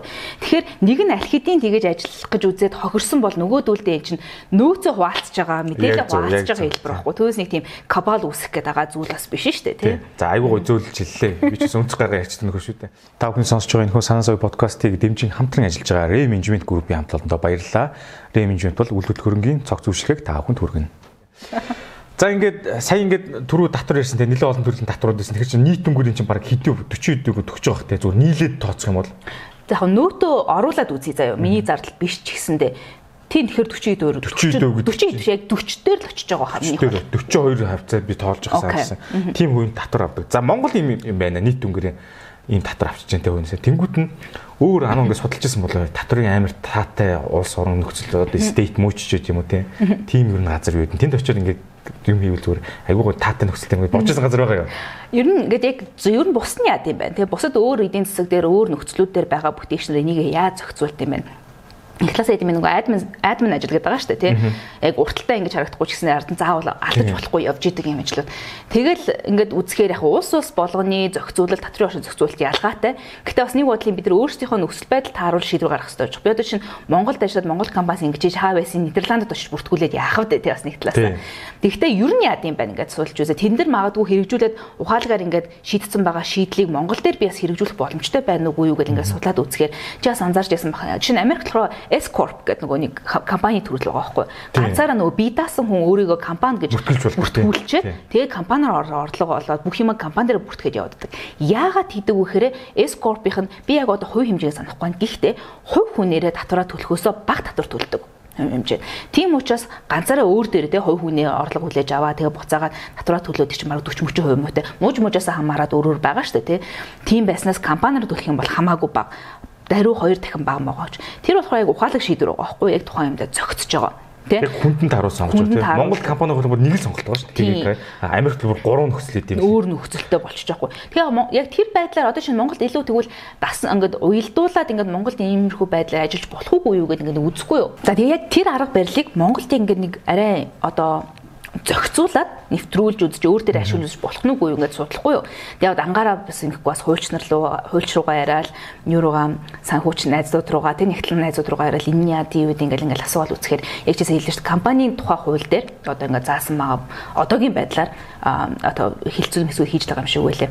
Хоёр хүн төрөл байгаа байхгүй юу? Хихика хязгаарлагдсан хариуцлага компани Хика хувьцаат компани гэсэн хоёр л төрөл байгаа. Одоо Монгол ингээ бүртгэлтэй байгаа групп гэдэг нэртэй компаниуд байгаа. Дарталтайг team group, team holding гэсэн компаниуд байхгүй. Энд чинь уг нь group holding гэдэг чинь өөр компанийн бүтцийн зохион байгуулалтын хэлбэрүүд байхгүй. Бусад улс корпорац. Энд чинь өөрөө нэг талаас нөгөө охин компаниуд руугаа юм удирдлагын тусламжаар хангах, менежментийн үйлчлэгээ үзүүлэх тийм бүтцтэй зохион байгуулалттай. Тэрүүгээрээ ч гэсэн нөгөө тайлан бас өөр өөр байдаг. Тэгэхээр яг тэр хэв маягаар зохион байгуулсан шүү гэдгийг нэрэндээ оруулаад хэрэглээд байгаа бол болохоос ш яг үндэ бүртгэл дээрээ хихикал хихикал байхгүй яг холдинг бас биш. Тэгэхээр за тэгвэл би хека болно уу гэсэн бодлаа. За тэгвэл хека болгоод үзье л да өөрийнхөө нэрээ нэр мэрээ хүртэл хайж үзээд бүртгүүлээд ингэж мингээд ингэж үзсэн байхгүй. За тэгвэл яг ямар таатай нөхцөл үүсэж ийн гэдэг ингэ хайсан тухайн үед А тэгэнгүүт ялцчгүй аж ахуйн нэгжийн орлогын албан татварч яг 10% болчихж байгаа. За тодорхой хэмжээ хүртлээ 1% байрлал тооцож байгаа 300 сая тийм босоо давтлаа ингээд тооцож байгаа. А тэгсэнсэн 50 саяас дээш бол нэмэгт зүртгийн орлогын албан татвар суудхан төлөгч болчихж байгаа. Тийм зөвхөлт байгаа байхгүй. За окей тэгвэл магадгүй тэгээд үсэх юм бол би 1%-аараа ядаж татвараа төлөх юм байна гэл ингээл бодоол ингэ штэ. За тэгвэл ингээд үзчихэл би ер нь компаниар амьдэрч л да. Тэгээ ганцхан хувьцаа эзэмшдэг би өөр хувьцаа эзэмшдэг тэгвэл компаниар амьдар. Одоо нөгөө бүх төлбөрөө компаниараа төлөөд юу гэдэг те хасагдах зардал бүх орлогоо те ингэж аваал. Ингээл явъя л да гэж бодлоо. За тэгвэл ингээд миний хийж байгаа ажил үйлдэл бүгдээрээ орлого маань компаниараа төвлөрөөд байгаа хгүй. А тэгтэл нөгөө нэг бас хуулиараа зохицуултаар ингээд компани ч орлого олоод байгаа бол тэнд хин нэгэн ажиллаад байгаа гэсэн үг шүү дээ. Тэр тэр хүндээ чи цалингаа өгсөд болчихсон. Тэнгүүт за компани маань ингээд орлого олоод идэм байж. Тэгвэл ануу яаж цалинжих яг ануу хувь хүн нь өөрөө яах юм? Компаниасаа би ингээд цалингаа авна шүү дээ. Тэгвэл хувь хүн дээр ч яг цалин өс түнтэй адилхан орлохоор болонгууд хувь хүний орлогын албан татвар гээд 10% нь тэгээ нийгмийн дадлан шимтгэлээ өгчөж байгаа байхгүй. Хоёр удаа төлөх гэдэг байгаа байхгүй. Хоёр удаа. Аж ахуй нэгжлэрээ татвар төлж байгаа юм. Хувь хүнээрээ татвараа төлчихөж байгаа. Тэг ингээд үржигдчихэж байгаа байхгүй. А тэгмүүд эсрэгээрээ би өөрөө үйл ажиллагаа эрхлэгч хувь хүнээрээ бол би хувь хүний орлогын албан татвар гээд 10% төлж байгаа байхгүй. Нэгээс 10% бас ялгаатай шатлал. Тэгэнгүү тэгээд Монголын нөхцөлд тийм компани болж өөрөх нь нэг тийм яг миний нөхцөл тийм амар тохиромжтой бол байгаагүй. Алдагдaltaй болох гэдэг. Алдагдaltaй болох гэдэг аахгүй. А яг магадгүй өөрөө ингээд багтаа болоод магадгүй хийгээ болгоод өөр хүмүүс цалинжуулаад те бас ингээд тогтмол ингээд эхлэх юм бол бас болж магадгүй юм. Гэтэ би тэрийгэ чадна гэж бол боддггүй юм өөр. Тэгээд ингээд шийдвэр тэгээд нэнгүүт за за аж ахуй нэгж байгуулах нь угаасаа дими юм байна. Татвар татвардаа ингээд нүдүүлээд байх нь аргагүй юм. Яаж ч юм жижиг дунд үйлдвэрлэл эрхлэгчдэр ингээд нэрвтэй гэдэг нь аргагүй байгаа хөөхгүй. Бас айгүй хүндэл нөхцөл байдал та. Тэгээд яг сүүлд нөгөөний хувийн орлогын татвар татвар дээр шинжилэлт орлоо шүү дээ. Нөгөө шатлсан татвар ингээд орж ирэнгүүт бас магадгүй тэр нэг амарч нөлөө үзүүлэхгүй л угаасаа босхыг аваад үзэхнээ дийлэнх маань 10%-аар дүүсэн хിവэрэл байх юм билээ те угаасаа. Тийм болохоор нэг тийм ялгаагүй. Гэх мэт ч нэг ийм хувийн нөхцлүүд ингээд бодлож үзэх болдгол юм бэлээ. Тэг яг хэрвээ магадгүй нүүж мүдэг өөр улсад амьдардаг ч юм уу эсвэл өөр олон улс руу гарлаа. Гэт их юм бол бас мэдээж хэрэг тэрнээ тохирсон хамгийн оновчтой татврын систем юм. Гэтэ энэ чинь татвараас нөгөө зайлс хийж байгаа биш. Чинь хуулийн дагуу яг татвараа төлнө хамгийн зохимжтой оновчтой удирдлага юу вэ гэдгийг хайж судалж байгаа зүйл байгаа дээ. Тэгэхээр яг тийм байна. Нидерланд руу илүү Европын орнууд руу бас сонирхолтой хэсгүүд байгаа. Гэтэ тэн чинь бол хувь хүмүүс нэг өндөр хуваар татвар төлдөг учраас компани болж илүү ингэж хөдөлгөх нь илүү их байгаа гэх юм уу тийм улсад яг татвар төлөхөд буцаад авах юм гоё гэдэг учраас дуртай төлж байгаа та. Бид нар ч одоо тэгээд нийгмийн даатгал дээр бүгс гэдгээс өөр бенефит одоо авж гэнэ үү гэхэд л бас хэцүү л байгаа дээ. Одоо нөгөө юу ааштай. Энийг дагаад бас нэг сони юм гарч ирж байгаа. Нөгөө цалин хөлс түнтэй адилхан орлого олохгүй болоо нөгөө цалингуу сая нөгөө пандемик өөр нэг цалингуу бас байж үзлээ. Зөвхөн үйл ажиллагааны орлогоороо ингээд яаж ашиглаад яг одоо нөгөө контент бүтээлэг маань миний одоо үндсэн ажил те. Тэгэж ингээд байж үзсэн чинь аа дундуур нөгөө нийгмийн дадлан шимтгэл ингээд нэг тасарч байгаа байхгүй. Надад бол нэг тийм ач холбогдолтой зүр хүн болгоны үнэт зүйл өөр шийдвэрөөр би зүгээр тухайн үедээ буцаага тэрнтэйг ижлэгийн хэмжээний нөгөө хариу үе авч аваагүй учраас надад тэнийг ач холбогдолтой байгаагүй байхгүй. Тэгмээс хамгийн төвөгтэй хүмүүс нүг зээл авах дээр ярьдаг штэ. Ягаад нөгөө зээл гарах гэхээр заавал нийгмийн даатгалын шимтгэлийн төлөлтийн бүртгэл орж ирэх штэ. Өөрөөр хэлбэл зөвхөн цалинтай хүмүүс л зээл өгч байгаа байхгүй. А гэтэл үйл ажиллагаа эрхлээд орлого олоод байдаг. Тэгээ бид нар чинь өөрсдөө байрныхаа мөнгийг өгөн татврынхаа бүх юма төлнө. Тэгээ нөгөө тэр төлөлтийнхаа түүхийг ингээ харангууд айгу хариуцлагатай санхүүгийн хүн цаг тухайд нөгөөд тийм хүн байхгүй. Өөрөөр хэлбэл тэр хүн тэрөө зээл болгочих юм бол зээлийг гэсэндээ ангууд оновчтой ингээ төлөөж яваад ах нөгөө зан төлөв нь байгаа байхгүй. А гэтэл нөгөө журмаараа заавал нийгмийн даалгын шимтгэл явах хэрэгтэй нэ тэрийгэд ингэчингүүт нөгөө түн зээл авах боломжгүй болчихгүй. Зээл чинь бас хаагдчих жаа. Тэнгүүд яг нөгөө зээлийн дундын нөгөө нөгөө нэг өөр юм скоринг системүүдтэй ингээд үнэлгийг нэг өөр өөр тийм санаачлалууд бас гарч ирж байгаа юм билээ. Нөгөө нэг байрны мөнгө цагтаа төлж гин үү юугаа төлж гин гэдэг нь өөрөө тухайн хүнийг тэр нөгөө нийгмийн даатгалын шимтгэл шиг гаргаад ирдэг. Тиймэрхүү юм яригдж байгаа журам мурам нь бол батлагдсан тийг явж байгаа. Би тэрийг ингээд хэрэгжил бол айгу гоё юм гэж харж байгаа. Бүх хүнээрээ тийм бизнес ингээд эрхэлж байгаа. Яг бизнес гэж хэлэх нь юу байх яг үйл ажиллагаа эрхэлж байгаа бол эн чинь бас эргэлтийн хөрөнгө хэрэгтэй болох үед байна. Тэр чинь тэр чинь зээлэл хааштай хүн болгон бас нөгөө зээлийн ингээд муу зүв шиг хандаал ингээд идэг. Бас тухайд тэгээ мөнгөгүй юм чинь тэгээд бас яг мөнгө их усүр татаад тэрийгээ бас ингээ хөдөлгөөд дахиад улам илүү баялаг бүтээгээд те их мөнгө гэж байгаа юм шүү баялагийг бүтээж байгаа байхгүй юм чинь. Ажил болгоод тий. Тэгээд ингэж байгаа бол яагаад зээл бас буруу. Гэж зээлч хөшүүрэг байхгүй. Хөшүүрэг тий санхүүгийн хөшүүрэг болчихгүй. А эсрэгээрээ нөгөө нэг бүр айгүй өндөр хувь хэмжээтэйгээр олго одоо хүүтэйгээр олоод нөгөө нэг predatory зээл гэж байгаа шүү дээ. Албаар ингэж нөгөө нэг шулсан гэх юм юу гэдэг үү тий. тэрийг бол бас хэлээд байгаа биш. Яг ингээд мэдэн санхүүгийн үйл ажиллагааг ингээд дэмжих зорилттой юм оновчтой юм зээлүүд одоо ипотек байна. Энэ бол айгүй гой зээл байхгүй тий. Тэгэхээр бас юм зээлч гэсэндээ хүмүүс бас ингээд айгүй зөв хандаасаа гэж бас бодоод би бүр үнэхээр хайлч байна. Тэгээд тэгэж бодоод байгаа байхгүй юу. Тэгэхээр нэг иймэрхүү айгу ганц юм ганцхан ямар тодорхойлохдгүй юм чи амар олон хүчин зүйлс ингэж ингэж нийлж иж нэг ийм санхүүгийн систем үүсдэг тэр дотор нь чи өөрөө хувийн санхүү хувь хэн байх вэ гэдгийг хэн байх вэ хаана байх вэ заавал бие биендээ урлаад байгаа хэрэг биш зүгээр л тухайн нөхцөл байдал дээр ингээд оновчтой шийдвэр гаргахад зөвлөж чиглүүлэх юм хүчин зүйлсүүд байгаа байхгүй юу. Яа. За гоё хариултууд авлаа. Одоо яг мэрэгжлийн нэр томьёог нь гоё зөв дуудлаа. Нөө цуутхан төлөгч те. Мэрэгжлийн гоё гоё хэлж байна. За үүнээс улбалаад анаа бол ингээд э, зардлаа ер нь хийхэн төлөвч. Хүмүүс бол ингээд зардал гинтийн гаргаж ирдэг те. За манай нөхцөлд бол айгаа гэж түрүүл одоо татруу ингээд шууд орж ирэнгүүт нь хуваа дасварчдаг гэж те. Энэ хүмүүс тэгдэг байхгүй. За за явах гэд үрчлэг дараа нэг нэг яаж төлөх вэ яах вэ ах дүн зээлгүйгээ явдаг. Тэрийг бол айгүй гоё юм зан төлөвийг харууллаа ингээд шууд салгаачдаг нөт мөтөө. Тэрэн шиг зардлаа юу нь яаж төлөвлөж чинь гинтийн зардал юу нь гардггүй зүгээр аль хэднээс бүгдийг төлөвлөсөн байдаг юм.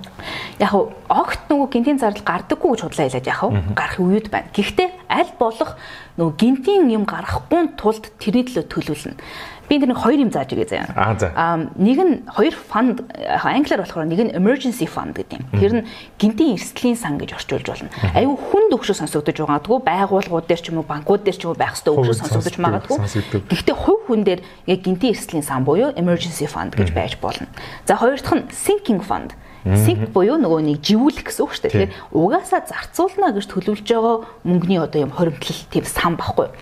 За emergency fund гэдэг маань ямар нэгэн ууршин төлөвлөөгүй гинтийн ийм зардал гарахад тэрийг санхүүжүүлэх зорилгоор юм хадгалж идэг сан хэлээд байгаа. Аа Монголын яг статистик бол яг тэр хангалттай бас энэ жилийн статистик гарахгүй байгаа учраас сайн мэдэхгүй байна. А гэтэл одоо шинэ баруун руу ялангуяа Америк нэгдсэн улс гэлээ гэхэд 50 хүн амын 50-аас 50% нь paycheck to paycheck буюу цалингаа цалингийн хооронд амьдардаг хүмүүс байгаа байхгүй. Монгол ч гэсэн бас тийм хүмүүс мэдээж хэрэг байгаа. Яг хэдэн хувийн би мэдэхгүй байна. А тэгэнгүүт өөрөөр хэлбэл цалингаа цалингийн хооронд амьдарч байгаа энэ үед тухайн сард за магадгүй машин тэрэг өндөг бол машин нэвтэрч болно. Магадгүй гинэгт өвдөөд эмнэлэг твтэж болно тий. Гэх мэт чин урьдчилан тооцоолоогүй тийм өртгүүд ингээ гарч ирэхэд шууд ингээ нөгөө нэг мөнгө одоо юм хөдлөх боломжтой мөнгөн бас шууд эдийн засгийн амар эрсдэлд ордог магадгүй нөгөө зээл авах гэж үзэнгүүт банкныхаа югаар ингээ явахаар айгүй их цаг ордог ч юм уу. Тэгээ магадгүй өндөр хүүтэй нөгөө predatory зээл олгодог байгууллагууд руу хандаад ингээд эхлэхээр тэгээд ийм нөгөө чөтгөрийн тойрогт орчдөг. Уртгаа авч байдаг нь дөө. Нөгөө л тэгэж явдаг. Тэнгүүд тэрнээс хэрэглэх зорилготой яг тийм зүйлийг санхүүжүүлэх зорилготой emergency fund гэдэг нэртэй одоо ийм санг бол хүн болгон дээр бас байлгахад айгу оновчтой. Заавал байх албатай биш л дээ. Данс гэж хэлчих байна. Данс гэж хэлчих болно. Одоо чи миний хувьд бол энэ зүгээр миний банк харилцдаг альч банк дээр үжил тухайн хүн өөрийнхөө ашигладаг банкныхаа л харилцагч банкны дээр л данс байна шүү дээ. Тэрийгэ нэг хугацаагүй хадгаламжийн дансныг л тэнгэрээ байрлуулчихна. Яагаад хугацаагүй гэж хэлж байгаа вэ? Emergency гэдэг чинь өөрөө гинтийн зүг шүү дээ. Тэр яг хизээч авах боломжтой байлгаад ингэ явчихна. А гэл заримдаа нөгөө интернет банк дээр харагдаад байх юм бол хүмүүст ингээд нөгөө нэг зарцуулчих гээд байдгаа гэж хэдийм бэлээ. Тэнгүүт нь интернет банк руугаа нүүд аса хардаггүй болгочих болдог. Нуучин тийм. Нуучин өөрөөсөө нуучиж байгаа байхгүй юу тий. Тиймэрхүү байдлаар ингээд төвлөрүүлж болно. За тэгээд төвлөрүүлж байгаа сам хэмжээ нь ямар байх вэ гэх юм. Яг уу иймэрхүү хувийн санхүүгийн тухай ярьдаг одоо англи дээр ярьдаг контент хийдэг хүмүүс гэл 1000 доллар гэл хөвтгийж ярьдаг л да. А шууд энэ ч бас Монголын нөхцөлөөр буухгүй штэ. Тэгэхээр нэг өөрийнхөө сарын хэрэглээний 3-аас 6 сарын хэрэглээ ингээд нэг даач хуц байвал зүгээрээ гэсэн айгу оновчтой зөвлөмж нь тэр байгаа даахгүй. Өөрөөр хэлбэл гинэт ажлаасаа халагдаж болно. Сая ингээд нөгөө цар тахал бидэрт амар их юм харууллаа. Хүмүүс гинэт бас ажиллаа алдлаа. Яг хөө ихэнх бас айгу байгууллагууд нөгөө ядаж нөгөө сул зогсолтын цалинг нь өгөө 50%-аар ингээд цалинжуулаад ингээд байлгаж исэн бас ингээд айгу тийм ажилтнуудаа инэрдэг байгууллагууд байна. Зарим нь бол зүгээр халаа хийцэн байгууллагууд хүртэл байдаг. Тэгэнгүүт ингээд за дараагийн нөгөө орлогынхоо их үүсвэрлэг ингээд золготол чиний чамаа ингээд 3 сар 3-аас 6 сар ингээд торгоох зардал гэж ингэж үзээд байгаа байхгүй бас нэг талаас зөвхөн тийм нөгөө гинтийн зардал биш өөрөө өршин төлөвлөг өмч амьдрах бас эрхтэй шүү дээ. Байрны мөнгө ипотекийн зээлд бол ипотекийн зээлд төлөгдсөн хэвээрэл байна ингэсээр л үү тэгэхээр тийм байгаа байхгүй тэнгуүтийг цар тахлын үн бас анзаарч байгаа. За энэ 3-6 сар хангалтгүй юм байна. Жил байх хэрэгтэй байна гэдэг ч юм уу тий хүн өөрөө өөрийнхөө хэрэгцээнд ингээд тааруулж тэрийг зөвлөж болж байгаа байхгүй би бас яг цар тахлын өмнөнийг ажилласаа гарсан. А тэгтээ шууд ингээд гарахтаа би бүр ингээд амар тийм тухайн цаг мөчид эргэн тойронд хүмүүс ингээ ажиллаа алдаад ингэж яхад ямар бардам хог вэ те ажлаасаа гарч мараад те би бас ингээд өөрийг амин нөгөө англиар бол нөгөө privileged гэдэг л те яг тийм нөхцөл байдал байгаа мэн гэдэг өөрөө ухамсарлаж исэн. Гэхдээ үнэхээр амар toxic байсан байхгүй. Үнэхээр сэтгэл зүйн хувьд ингээд тэсгэ болоод ингэж явж байгаа учраас за болиё.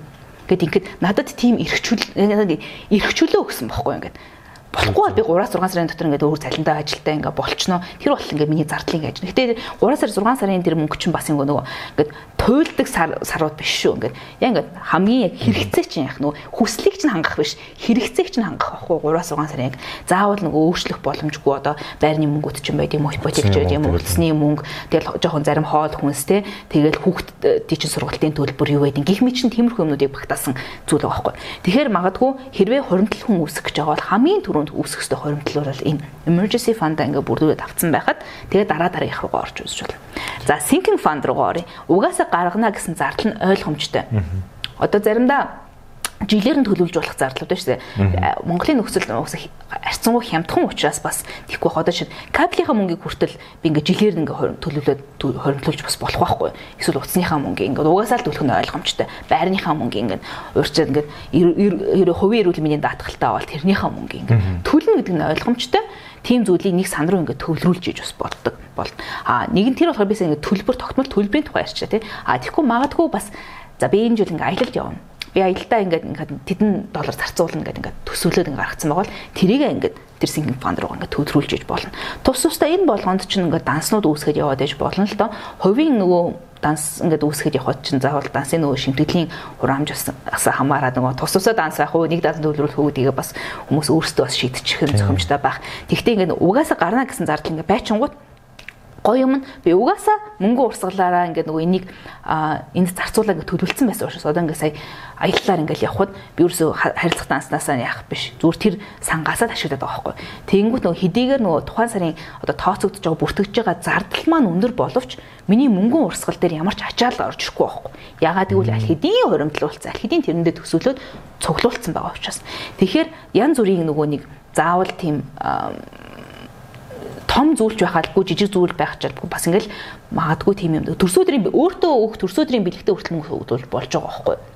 Юм юм аавна гэж шийдсэн бол тий. Аав заавал эд материал байх албагүй магадгүй өөртөө гой турштай гой тийм юм сурна, тийм хичээл явна тий. Тэгэл ингэсэн байгаа. Одоо тэрийг хүртэл хөрөнгөлж байна. Тэгэхээр яг ийм хоёр нэг юм сангийн ойлголт ингээд ботцсон байж хахад хүмүүс ингээд тархиныхаа мөхөр шийдсэн байж хахад бас сонирхолтой зүйл баха. Зөв зөв маш гоё санхүүгийн сахилгын талаар ярьлаа. Одоо энэ бол угаасаа л гарахаас хойш төлөв. Манайх бол тухайн цаг үед нь төлчөөд за тухайн үед гэж болох байлгүй тий. Хайчдаг. Ер нь ихэнх нь тийм байгаа шүү. Тэрийг бол ингээд хийж чинь. Тэгтээ А нэг удаа хүмүүс ингэ сонсоод өнгөрчдөг. Оо тийм байх тийм байх. Ам гоё ярьж байна. А хэрэгжүүлэх бас нэг цаг хугацаа ордсон шүү. Behavior одоо зам төлөв өөрчлөлт. Тэрийг суулгачвал одоо улсаараа ийм сахилга боттолгүй хүмүүс айхан байна. YouTube дээр бид бүхэн контент аплод хийж байгаа. Тэнгүүдээ зарим хүмүүс бол амар өндөр subscribeтай байдаг, зарим нь бага subscribeтай байдаг. Тэгтээ үзэлт нь өндөр байдаг. Тэгэхээр энийг ялгааг нь та хэлж өгнө? Ер нь subscriber чухал уу? Үзэлт чухал уу? Энэ хоёрын аль нь чухал гэдэг бэ контент хийж байгаа хүмүүст? За чи бол бас өөр бодолтой өөр юутай бас байж болно шүү дээ тий. Яг хөө миний бодлоор ингэхээр нөгөө ам дахиад жоохон холоос ингээд аялчий заа. За. Нөгөө инфлюенсер гэдэг үг байгаа шүү дээ. Эн чинь нөр инфлюенсер гэдэг нь өөрөө үгийнх нь утга нь нөлөөлөгч гэсэн үг болчихж байгаа. Тэгээ энэ үг яаж гарч ирсэн гэхээр маркетингийн салбарын одоо энэ контент бүтээж байгаа энэ хүмүүст өгсөн нэр байгаа байхгүй. Яагаад гэвэл маркетингийнхан тэр хүмүүстэй хамтраад ингээд нөлөөлүүлээд альва бүтээгдэхүүн үйлчлэгэнийг худалдан авах тийм нөлөөллөөр ингээд нөгөө нэрлэлсэн байгаа байхгүй. А гэтэл одоо чинь би бол өөрийгөө инфлюенсер гэж тооцдоггүй. Яагаад гэвэл энэ бол миний бусад үзүүлэх нөлөөгөөр ингээд намайг тодорхойлцсон байхгүй. Намайг надаар нь тодорхойлоогүй өөр юмар тодорхойлцсон. А гэтэл би ч өөрөө контент бүтээгч байхгүй юу? А тэгээ анханасаа контент ингэж бүтээхдээ ингээл одоо бусад нөлөөлөе. Одоо жишээ нь худалдаа авалтанд нөлөөлөе те шийдвэр гаргалтанд нөлөөлөе гэж ингэж эхлэегүй. Яг нөгөө анхны санаа маань ингээд өөрөө сурцсан юм аа бусад ингээд мэдээлэл ингэж ганцаар ингээд бариад байхад өөрөө хувээчсэн санагдсан учраас ингэж түгээе гэдэг тийм философиор босч ирсэн. А ингээд бусад магадгүй эргээр нөлөөлөөд те иймэрхүү үр дүн гарсан бол тэр нь эерэг одоо дам нөлөө аахгүй юу? Дам үрдүн гээ тий. А гэхдээ гол зүйл нь бол байгаагүй. Тийм болохоор одоо чинь миний хувьд байлах нь subscriber-ийн тоо юу тэр нөгөөтгөн view-ийн view байсан тий. Тэр үзэлтийн тоо юу гэдэг нь надад нэг амар ач холбогдол аль аль нь ач холбогдолтой зүйл биш байхгүй тийм шууд чухал зүйл биш. Хамгийн гол нь хэрэгцээтэй хүндээ яг хэрэгцээтэй мэдээлэл нь очиж ивэл тэгэл болоо. Жишээ нөгөө нэг татраа төлөхдөө миний видеор орж үздэг гэдэг ингээл ярьжсэн шүү дээ. Би нөгөө томьёо дээр нэг хичээл байрлуулсан байхгүй юу? YouTube-ийн одоо YouTube контент бүтээгч болъё гэж байгаа бол эдгээрийг ингээд мэдэрэй гэдэг. Бүр ингээд одоо ингээд 10 жил ингээд контент ингээ хийцэн хүний хувьд ингээд иймэрхүү контент бүтээгчийн философи юм юу юу юм ингээ тэгээд дотроо бүр нөгөө AdSense реклама яаж холбох вэ гэдэг нь хүртэл илүү нөгөө ингээ өөрөө YouTube сувг дээр харуулж байгаасаа илүү дэлгэрэнгүй ингээ танилцуулаад ингээ оруулсан. Тэгээд тэнгуут Тэр чинь өөрөө бас эн чинь нөгөө хичээл байршуулсан учраас чинь тэрүүгээр дамжиж орлого олж байгаа шүү дээ. Бас л үйл ажиллагааны орлого. Тэгэнгүүт одоо томьёогоос жишээ ингээд нөгөө удирдлагын удаа нөгөө тооцоо нийлэх гэдэг нөгөө имэйл автомат ингээд имэйл нэрдэг байхгүй юу. Тэгээ уншижсэн чинь ингээд тийм тийм тийм тооцоо нийлэх ингээд заавар гэсэн. Та ингээд буцаагаад бүтээгч нөгөө нэг юм и баримт платформоос ингээд баримтын шивэд ингээрэ ингээрэ гэсэн юм заавар байсан байхгүй юу. Тэснэ төлбөрийн баримт хэрвээ шив шив хэрхэн шивэх вэ гэдгийг үзье гэх юм бол энд дарна уу гэдэг хэвчээс байхгүй юу. Тэгвэл оо бас санхүү тухай контент ирээдэг энэ дар нөө заавар өгсөн юм байна гэж. За юу вэ гэдэг амар нөхөр сонирхоод дараад орсаахгүй.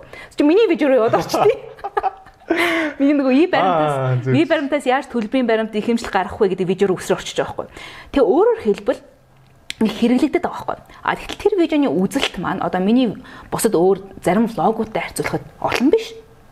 Тоон бол их биш. А гэхдээ хэрэгтэй хүндээ асар хэрэгтэй гэж байхгүй. Яг хайсан хүнд нэг хэрэгцээг ингэ шийдвэрлээд өгчөж байгаа гэж байхгүй. Тэгэхээр хэмжиж байгаа хэмжүүртэй метрикүүд нь үзэлт болоод subscriber болоод бүрэн тэр хүний хийж байгаа контентийг илэрхийлэх зүйл бол биш байхгүй. Цааталтаа engagement нь бас нэг бодлын ямар. Тэгээ нөгөө талаас одоогийн байдлаар нөгөө Google Analytics-аас хэмжиж болохгүй нэг зүйл нь үзэж байгаа хүндээ хэр хэрэгтэй байна вэ гэдэг чинь. Тэгэхээр миний хувьд а яг миний хамгийн чухал метрик хамгийн чухал хэмжих үзүүлэлт бол миний хийж байгаа контент үзэж байгаа хүндээ хэр хэрэгцээтэй тэдний одоо асуудлыг ч юм уу альва асуудлыг хэр шийдэж чадж гин вэ гэдэг дээр төвлөрдөг. Тийм болохоор нөгөө влог хийхээс жоохоо нэг тийм одоо влог бол влог штэ. Нэг тийм жоохон зайлсхийгээд байдаг влог төрлийн контент. Бас нэг талаас хүмүүс нөгөө видео болгон влог гэж ойлгоод байж болно. Влог гэдэг чинь өөрөө нөгөө илүү видео өдрийн тэмдэглэл маягийн зүйлээр явж байгаа тийм. Тийм учраас гэхдээ тэлээд влог бол хүнд хэрэггүй гэж байгаа юм биш. Энд нь бас ингээд асаацсан байж байгаа зүгээр ингээд цаг нөхцөөх ингээд гоо ингээд чийлэрж яхад үзэхэд гоё зүр штэ. Тэгэхээр магадгүй чийлэр хэрэгцээг нь хангаччлаа байгаа байхгүй. Тэгэхээр юм ялгаатай зүйлсүүд байгаа даа. Тэгэхээр хамгийн гол зүйл нь бас тэр баг. Аа тэгээ хүн болгоны э, хэрэгцээ асуур. Гэхдээ одоо видеоны үзэлт те болоод subscriber-ын тоо юун дээр одоо надад чухал санагдаж эхэлдэг вэ гэхээр одоо саний тэр нөгөө хүмүүстэй хамтран ажиллаж байгаа тохиолдолд одоо харилцагчтай хамтран ажиллаж байгаа тохиолдолд тэр хүмүүс нь харагдж байгаа метрикүүд нь тэр учраас тэрэн дээр ингээд ач холбогдлоо өгөө тэрүүгээр хэмжих гээд байдаг амхандаа нэг KPI гаргаж ирж байгаа зүйл нь баггүй. Тэгээд тэрүүгээр хэмжих гээд байдаг болохоор тэр нь нөлөөлдөг учраас тэрүүгээр ач холбогдолтой. Гэтэ номер 1 ч юм уу тийм номер эхний 10-т ч баг орохгүй угаасаа тэр үзүүлэлтүүд миний хувьд тийм үзүүлэлтүүд баггүй юу. Тэгэхээр тэр талаасаа чухал Нөгөөдлөөсөө тийм. Тэгээ ав ав гэхийг хонор андараа хүмүүс. Ер нь бол их гоё тайлбарлаа л да. Тэгт түрүүний мэйл ирдэг гэсэн чинь дарсан ч өөрхөн видео орж ирсэн тэр их гоё санагчлаа. Яг тэр тэр видеог чинь линкийг хуулж байгаа би бас амар хүмүүс үү эндээс үзчихгээ тайлбарлаж явчихгүй эндээс үзчих гэдэг. Бараг 12 дүүнрөө шийдсэн байна. Оо баярлаа. Хүмүүс одоо чинь нэг байгууллагын харилцаад ибэр өөрийнхөө байгууллага шүүлэхийн тулд энийг үзчихээ явуулж байгаа.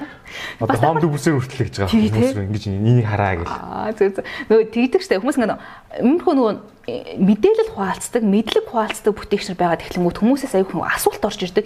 Энэ нь яадын, энэ нь ингэ тийм үү гэд тэр болгонд мэдээж коммент хариулаад сууж бас болно л доо. Гэхдээ тэр чинь өөр аяг тийм бүтээмжгүй зүйл байхгүй юу? Тэ? Олон удаа тэгээ бичээд байж чадахгүй. Тэгэхээр магадгүй олон асууж байгаа асуулт нь хариулсан видеог нь хийчээд асуулт нь өөдөөс нь хитчихэд байгаа байхгүй.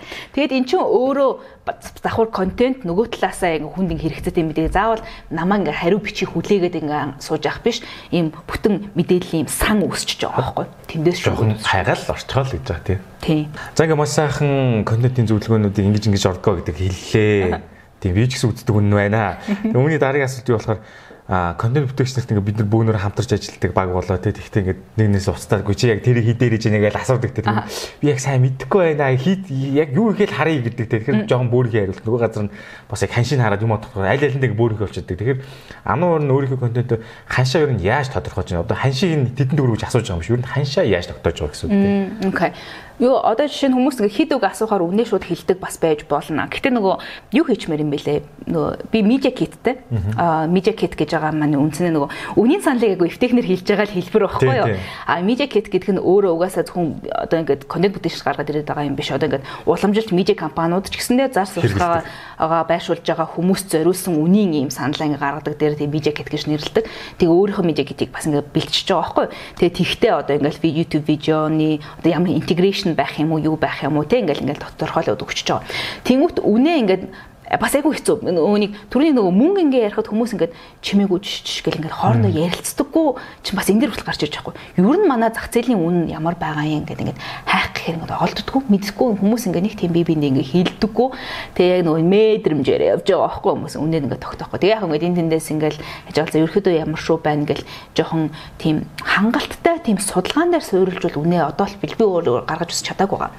А гэхдээ нэг бодолцох нэг зүйл байгаа юм нэг талаасаа ингээд би заримдаа хаяа ингэ бодох. За миний ингээд буцаагаад ингээд харилцагчид те захиалж байгаа компанийн одоо төлбөр тохирсон үйлчлэгээ ингээд буцаагаад яг энэ үнэтэй дүүцхүү яг те эсвэл давуулсан тийм үйлчлэгээ үзүүлж чадж байгаа үйлгүй үйлгүй гэдэг те хаяа нэг хүн л болсон хойно ингээд нэг жоохон existential crisis ингээд орно штэ чадаад байгаа юм уу? Ер нь би хэрэг байгаа ч юм уу гэх бас тиймэрхүү юм руу ингээд орох үе би. Тэнгүүтээ би магадгүй үнэ буулгах хэвээр болов эсвэл үнэ нэмэх хэвээр болов гэх ийм хүм асуултууд ингээд гарч ирж штэ.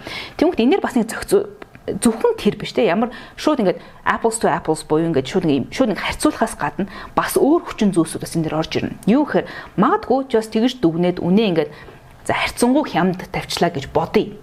За. Тэгээд ингээд үнэ ингээ илгээчлэх бол нөгөө талаас нь оршигтэй. Амар олон ажил захиалаад ороод ирдэг ч юм уу. Нийт үнийн дүн адилхан байхгүй юу? Одоо тохойн X үүтэй. X дүнтэй тэгсэн яг одоо Y тооны ажил гүйцэтгүүлэх гэдэг ингээ ороод ирнэ. А гэлч өнөр тэр хийж чадахгүй бол яах вэ? Амжихгүй. А гэл дахиад хоёр дахь тал дахиад ингээд ингээ ороод ирлээ. Тэгээд эхлэхээр бас юм бааш нийт үнийн дүн нь олж байгаа орлогч нь бас тэнцүү юм бол яагаад ачааллаа багсгаад магадгүй чанараа нэмж болохгүй гэж. Тэгэхээр нөгөө үнэ өсөж байгаа маань шууд утгаараа миний хийж байгаа одоо тэр нөгөө гүйсгэл нийлүүлж байгаа юу бас шууд пропорционал утгаараа өссөн гэсэн үг биш бас байж болох гэдэг байгаа байхгүй. Илүү бас магадгүй арай цөөн харилцагчтай болоод арай цөөн харилцагч болох нь CRM нөгөө костом нөгөө харилцаагаа удирдахад одоо зохицуулахад маань ч гэсэндээ илүү эвтэйхэн байж бодно шүү дээ. Тэгээд тэгэхээр магадгүй харилцагч би нөгөө контентороо биш магадгүй харилцаа илүү нөгөө нэг үйлчлэгээ тэр талаараа илүү үн цэнийг өгөөд иж болох байхгүй. Тэгэхээр тэр и баримтыг асуудалгүй гаргаж өгдөг. Би одоо гэрээнийхээ би өөрөө бэлддэг. Нөгөө хуульчаар бүр бэлдүүлсэн. Тэнгүүт нөө тэд нар нөгөө гэрээнийхээ би явуулчих та нар өөрөө тусахчихоо гэдэг хүчний хэвтэйхэн байгаа байхгүй. Ягаад тэгэхээр байгууллагаас ирдэг гэрэнүүд хөвчлэн нөгөө зар сурталчилгааны агентлагуудад зориулсан гэрэнүүд байчингууд контентыг хүлээж авах чинь нөгөө нэг цохогч эрхийн асуудал масууд нэр хөндөгдөг өөр өөр өөр байдаг. Тэнгүүт за тэгвэл би яг контент бүтээгчид зориулсан одоо ийм харилцаанд зориулаад яг гэрээг нь боловсруулъя гэж одоо тойлч та мөнгө ингээд боловсруулаад ингээд явчих. Тэр мэрч хүртэл ингээд яг миний үзүү үзүүлж байгаа үйлчлэгээний нэг хэсэг байгаа байхгүй. Шингэжж байгаа байхгүй. Шингэжж байгаа байхгүй. Тэгэхээр зөвхөн тухайн видео гэж бодохгүй. Чинь бүтэн пакэж араа ингэж явж байна. Бүтэн цогц үйлчлэг. Тэгэхээр магадгүй нөө тэр тал руугаа одоо илүү өмнө нь маань орж ийнө гэж ингэж бодож үздэг ч юм уу тиймэрхүү өвчин зүйл айгу нөлөөлдөг болт юм бэлээ. Тэгээ нэг CRM дээр би бас харьцангуй гайгүй болоод ирж сүүлдээ нөгөө төслийн удирдлагын платформ дээр хүртэл өөрөө CRM угсарч мөгсөрсөн заяа. Тэгээ тэр нь өөр space руу оронгууд тэр нь content calendar болчдөг. Тэгээд дахиад ингэнгүүт нөт manuscript болчдөг юу гэдэг тийм. Ямар гоё. Тиймэрхүү байдлаар ингээд шийдсэн. Яг тэгээ платформ солиол эн чин productivity буюу нөгөө бүтээмжтэй байдлаар яаж хамгийн эвтэйхэн байлгаж болох уу гэл тэгэл тийм платформ төслийн удирдлага удирдлагын платформ өөр ашиглаад тэрэндээ мөнгө төлөөл ашиглаад ягаад тэгэхээр тэр платформоос миний буцааж авч байгаа үнц нь хангалттай тэр төлбөрийг одоо төлөхөр болчихж байгаа хгүй. Тийм бохоо нөгөө яг зарим юм шиг төлбөртэй ажиллах хэрэгтэй шүү дээ. Тийм болгоныг өнгө өнгө бол ингээ шингэж байгаа л гэсэн үг. Шингэж байгаа л гэсэн үг юм чинь тий. Тэгээ нэг тийм юм өнцгөөс нардаг болсон. Тэгэхээр яг үн тогтооход мэдээж хэрэг ингээ сургалаад ингээ би сая сүүл найзынхаа чи чиний медик гэт ямар байгаа ингээ үтсэн чинь манай хүн бүр үнэхээр өөрийг үнэхээр доогуур үнэлж байна нэм за гэсэр байгаа юм үсэн юм. Тэгсэн чинь хамгийн зугаатай ингэж яахгүй. Яагаад контент бүтээчнэр үнэ нэмдэггүй гэхээр зар гүс захиалагч нар намайг үзий ядах байх одоо. Яагаад нэмдэггүй гэхээр хитрхэн өндөр дуурчих юм бол үгүй гэж байгаа. Нэг айцтай. Нэг айцтай. Тэнгүүд тэнгүүд за ингээд хийчиhdөө гэх ингээд өөрийг ингээд low balling буюу өөрийг ингээд багаар үнэлээд байдаг.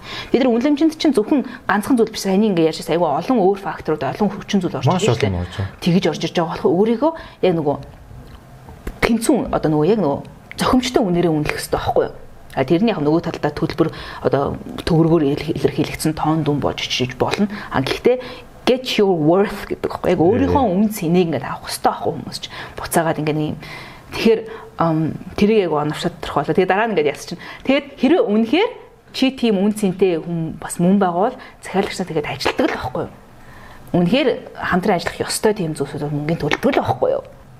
Гүн дээрээ бас нэг бид нар нэг тийм өндөр үнд асуухгүй шүү дээ угаасаа нөгөө багш нэг багчтай одоо нөгөө нэг тийм хүмүүсийн бодож байгаа шүү. Одоо саяхан бас нэг хүний бүх медиа кет ингээл тараал яг хүн ингээ зарлагдсан шүү дээ. Бүгд тийм биш шүү дээ. Игчл хам тийм баг яг үнэндээ те. Тийм болохоор бас хэрэггүй шууд битгий дэгэж төсөөлөөрэ хамаагүй бас ийм үн байгаа болохоор тэгээ яг ингээд тийм зах зээлийн нөхцөл байдлыг мэдрэмжтэй тэгээд бас давхар тийм өөр хүчин зүйлсийг л оруулж үнэ тооцох хэрэгтэй байх л та. Сайн ярин амар гоё санагдлаа. Ингээд гоё үн цэнтэй бай тий. Яг үнэ яг чингээгээд оруулаа. Тэр бол би яг яг хэрэглэж байгаа хгүй. Оо тэдэ болохгүй хэрэглүүцэх тэгэл хайт. Тэрээс нааш гоё хөлөл тэд болох юм юм байхгүй. Шууд ингээд тэр шолдоо тавьсан байгаа хгүй. Тэгээд ажлуул ажиллана тий. Энэ айгуу гоё санагдлаа. Тэгээд ганцхан видеогээд оруулах хүчтэй цаана баах юм явж байгаа шүү гэдэг аюу гоёсэн. Тэр үнгээд стори шеэрлж байна. Бараг нөө шүү дээ. Клуб хийгээд тэр хүн чинь орж байгаа байхгүй сая хэлдэг шиг платформ ашиглаж байгаа тэн дээр гэж байгаа. Одоо чинь доор нь дуу дэвсэж байгаа тэрийг дууны сайтаас бид сарын 15 доллараар авж байгаа ч гэдэг юм лээ. Зэндийн төлбөрүүд нэрж орж байгаа. Тийм юмнууд орж байгаа. Нүдэн харагдахгүй их процесс болт гэдэг аюу гоё тайлбарлаа.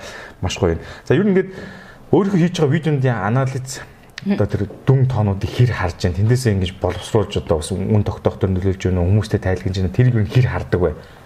Илүү нөгөө audience гэсэн хэсэг өгдөг шүү дээ үзэгчийн хэсгийг би нэлээд орж хардаг. Яа тэгэхээр медиа кит дээр үнийн санал дээр би одоо зөвхөн нөгөө нэг контент үн биш. Давхар өөрөө би хин бэ гэдгийг тэрүүгээр тайлбарлаж нөгөө маркетруудад бас өгч байгаа байхгүй. Миний аудиенсээ одоо 70% нь эмэгтэйчүүд 30% нь эрэгтэйчүүд байна. А тэр дундаа насны бүлгэрээ аваад үзэх юм бол дийднийх нь ингээл 25-аас 34 насныхан байна. Тэгээ дараагийнх нь 35-аас 44 насныхан байна гэл ингээл тэр аль аль нь 40 40% таа тэгээ бусд нь ингээл ингэчингүүт тэр чинь нөгөө тухайн контент бүтээгч хэн бэ? Тэр хүний хэн үздэг вэ гэдгийг тодорхойлж байгаа зүйл байхгүй. Яг үүндээ маркетрууд чинь чинь тэр нь хэрэгтэй шээ демографик мэдээлэл байна тий. Тэгэхээр тэрийг ингээ багтаадаг учраас би нөгөө тийшээ орол ингээ шинжилэн медиа кит дээр оруулах гэж тэрийг бол харна. А бусдаар нэг тийм engagement-ийг бас нэг харах гэж үздэг нөгөө хэр хэдэн минут яг үзэж хэдэн хувьд нь үзэж байна гэх тийм. Үзээд гарсан байна. Үзээд гарсан байна. Тэнгүүт ингээ нэг тал дээрээ хүрээл ингээд байгаа ингээ их тохиолдлууд гарангууд аа за энэ видео урттаад байгаа юм байна гэж бодоод видеогоо ингээ богисгох штеп. Урт нь богинсон ч уртсан ч тал дээрээ л гардаг байхгүй хүмүүс. Яг хүмүүсийн зан төлөө тийм юм байлээ. Тэгэхээр нөгөө нэг одоо за за өөсө богинсах бас юм яг нөгөө тал дээр нь гарлаа гэд яг тэр талтай нь жилхэн хэмжээний урттай видео бүтэн үзэн гэсэн үг биш байхгүй. Тэгэхээр зан төлөвийн тийм нэг сонирхолтой юмнуудыг зөвхөн ажиглах гэж бас орох тохиолдол байна. Заримдаа тэрнээрээ тулгуурлаж ингээд шийдвэр гаргангууд гарах тохиолдол байна. Гарахгүй ингээд заримдаа ингээд нэг мэдрэмж бас энэ штэ юм их тийм ингэхгүй гэл ингээд тэгэл өөрөө бас болцсон зүйл байна. Бас алдсан зүйл бас байх ба гэтээ болсон нь илүү те тэгсэн. Тэгэхээр analytics руу ингээд ороод эхлээд нэг хэсэг бас айгүй тэрлөө орж ингээд ухаж жоохон стресстэй байсан. Тэгээ YouTube бас амар зөв нөө студио руу ингээ орохоор студио таб руу орохоор ингээд таны хамгийн сүүлд оруулсан 10 видео гэдэг ингээд ранглчдаг байхгүй. Тэнгүүдээ сүүлд орсон хамгийн сүүлд орсон 10 видеотойгоо харьцуулахад таны энэ видео тэдд нь явж байна гэдэг тухайн видеоноос өмнөх 10 видео ингээд харьцуулдаг. Тэгээ хамгийн зөвүүн энэ төр гэж байхгүй. Чамаг өөртөө ч өөрчлөлтөд байгаа байхгүй нэг талаасаа. Тэрэндэл ирсэн. Тийм нэг юм бас буцааж төрийн дөрөгт орчдөг байхгүй. Сайн хийх гэдэг гэсэн. Хийх гэх нөгөө тийм. Цаагаар сэтгэл зүйн талаас тэр чинь бас жоохон айгу тарамталж байгаа байхгүй нэг талаа. Баян хамгийн дөрөнд гаргуулж ирдэг тийм экспресс. Тийм. Тэгээд видео болгон чинь дундаа нэгт ранглахгүй шүү дээ. Үргэлж чи өмнөх видеоноос үргэлж сайжраад явна. Одоо тэгээ сайжирж байгаа тэр хэмжүүр нь яг үндэ view-ийнхэн тоо байхгүй юу? Тэгээ хэмжүүрнийхэн тоо view-ний тоолоо явчихгууд эн чинь нөгөө нэг үзэлтээр нь тоолоо явчихгаар чинь бас яг энэ яг жишг хэмжүүр мөн үгүй юу гэдгийг нөгөө бодолцож үзэх хэрэгтэй байгаа. Тэрийг нь мөн жоохон critical thinking буюу ингэж нөгөө шинжилж бодлохгүйгээр тэрэнд нь хөтлөгдөөд ингээд ангаагаа тэрэндээ нэрвтэд ингээд яваад ах юм бол бас утгагүй хэцүү тий. Тэгэхээр аналитикийг яг нөгөө нэг шийдвэр гаргалтад чинь туслах зүйл болгож ингээ тий ухамсартайгаар энэ туслах зүйл шүү гэж анзаарахгүй бол шууд гол юм ингээ бодоод үцхээр нэг тийм ач холбогдолтой биш. Анаа найдаж болохгүй. Найдаж болох. Одоо нөгөө болно л баталгаатай мэдээлэл үгүй л тийм. А гэхдээ тэр яг шууд тэрнийг дагаж ингээ бүрэн дүүрэн чи өөрийгөө шууд өөр тодорхойлно гэдэг бас жоохон бас сэтгэл зүй хүртэл бас хэцүү зүйл бас байх байгаа. Мэдрэмжээ дахаар бүр онсон тохиолдол бас нэлээд байдаг шүү. Бас байдаг тийм. Байхгүй ч үеуд нь байна тийм гих мэтчлэн тэгэл бас тэндээс нөгөө сонирхолтой санагддаг. Ямар нөгөө нэг түлхүүр өгнүүдийг ингэж орж ирж гин вэ? Их хүмүүс түлхүүр үгээр дагаж миний видео руу орж ирж гин вэ гэдгийг нь бас харах боломжтой байдаг ч юм уу тийм. Тиймэрхүү шийдвэрүүд юу өөрийнхөө хоолойг харж байгаа шүү штэ тийм. Тийм нөгөө фанал нөгөө юу л үрти байгаа штэ тийм. Зүг зүг яг энийг асуусан бэхээр бол анум мэн бол одоо видеоныхоо анализ аналитикийг хардсан байна. А яг би сая дөрөвдөө хэрнээ одоо дэлхийд дээр байгаа хамгийн топ ютубер чи мистер бист болчиход шүү дээ тийм. Биллионер болсон, бокстер гарсан. Тэгээ манерийн коучинг дадлал ментор нь яг YouTube дээр наах гаргаж ирсэн Daryl Evans нөхөр үдээ. Тэр хүний номыг уншсан англи дээр. Тэгсэн чи яг чи ингээ видеого явуулъя л энийгээ сайн уншаа. Яг энэ энийг хараг бүр тоог нь нарийн гаргаж ирсэн аахгүй. Тэгээд хин ютуберүүд мань харддаг юм шиг байлээ. Нэг харж байгаа гэдгийг үднээс асуусаа тэг манай хүн бол хард юм байна. Би бас байгаль хардаг. Тэг яг юу харахаа ингээ ойлгоод авцсан. Хоёр л үзэлтэй тий. Тэгсэн юмсан. За дараагийн асуулт болохоор амаа маань бол одоо бас контент креаторс гадна зөвлөх үйлчлэгээ үзүүлдэг юм байна. Ер нь хэр олон төрлийн зөвлөх үйлчлэгээ үзүүлж байна. Одоо тэрнгүүрээ ажиллаж байна уу яаж байна? Нөгөө зөвлөх үйлчлэгээ консалтенси гэсэн үг л дээ консалтинг давхар яг нөгөө зарим байгууллагуудад ийм нөгөө гүйцэтгүүлэх ажил байдаг. А гэхдээ тэр үнийг цалинжуулаад байнгын ажиллах биш ингээд нөгөө богинохон цөөхөн шидэгчдэг юм консалтенси тиймэрхүү ажил байхгүй. Тэгэнгүүт яг хийж байгаа ажил тийм консалтенси үйлчлэгээнүүд маань хөвчлэн илүү контентоор төвлөрсөн л байдаг л да. Санаа нь ингээд нөгөө бас нэг 8 жил сэтгүүл зүйн салбарт ажилласан болохоор ингээд нөгөө бас хилээ айтайхан бичиж ярьцдаг те нэг арай нэг зэгцтэй дүү байх уран яруу монгол хэлтэй хүн бол би биш ээ А гэхдээ нэг арай дээр байдаг юм байна. Тэгснээр давхар ингээд өөрөө контент бүтээдэг учраас контентын энэ зах зээлийнхаа энэ динамикийг бас динамикийг жоохон ойлгодог мэдэрчдэг. Тэг энэ хоёр ингээд нийлхээрээ бас энэ нь өөрөө юм зарж болох үйлчлэгээ юм байна л да. Ер нь бас тий. Тэгэхээр заавал би нөгөө миний бичиж байгаа юм зөвхөн одоо ануу арчуугийн айлаар нэг сувг дээр харагдах биш бас өөр хүмүүсийн юм нөгөө редакторын ажлууд аягүй хийддэг. А өөрсдөө ингээд бичээнг оруулчихгонгоо за энэ нь ингүүл дээр юм байна, энэ юу юм байна гэл ингээд редактор редакторын ажил орж ирнэ л дээ. Аа бас нөгөө найруулга хийхэд ингээд ганцхан хүнээр нэг хүний нүдээр ингээд бичдэг олон талаас ингээд арах юм бол магадгүй альва эрслээ сэргийлэгч боломж байхгүй. Бүрэн дүүрэн мэдээлэл нь орсон. Яг сэтгүүл зүйн зарчмууд байгаа штэ. Альва ингээд мэдээг ингээд бичихтэй ингээд үндсэндээ 6 асуултанд заавал хариулсан байх штэ гэл нөгөө англиар бол 5W нэг H гэнэ. Хаана хизээ хин тэ яг нөгөө нэг бүх асуудал байгаа шүү дээ хэрхэн гэл бүх юмд нь хариулсан байх ёстой гэж заадаг хөө. Яг тэр арга барилыг ингээд оруулаад ирчингүүд яг бүх мэдээлэл ингээд бүрэн хүрчдэг. Магадгүй илүү нөгөө юм мэдэгдэхгүй байх гэсэн сонирхолтой тийм копинууд бичиж гэдэг орж ирэх юм бол бас болно л доо. Гэтэ би илүү нөгөө нэг илүү бүрэн дүрэн мэдээлэл өгсөн тийм юм дээр илүүтэй ажиллаад сурцсан. А бас л адилхан хүмүүс ингээд хайнгууд эргэлзээг тайлхалт контентуудыг хийх хэрэгтэй байгаа юм байна. Хариултаа олж авч хариултаа олж авч чадах хэрэгтэй. Тэгээ зөв оновчтой түлхүүр үгээрээ хайх хэрэгтэй байдаг ч юм уу тийм. Тэгэхээр тиймэрхүү хэрэгцээнүүд зарим компаниуд бол гардыг байлээ.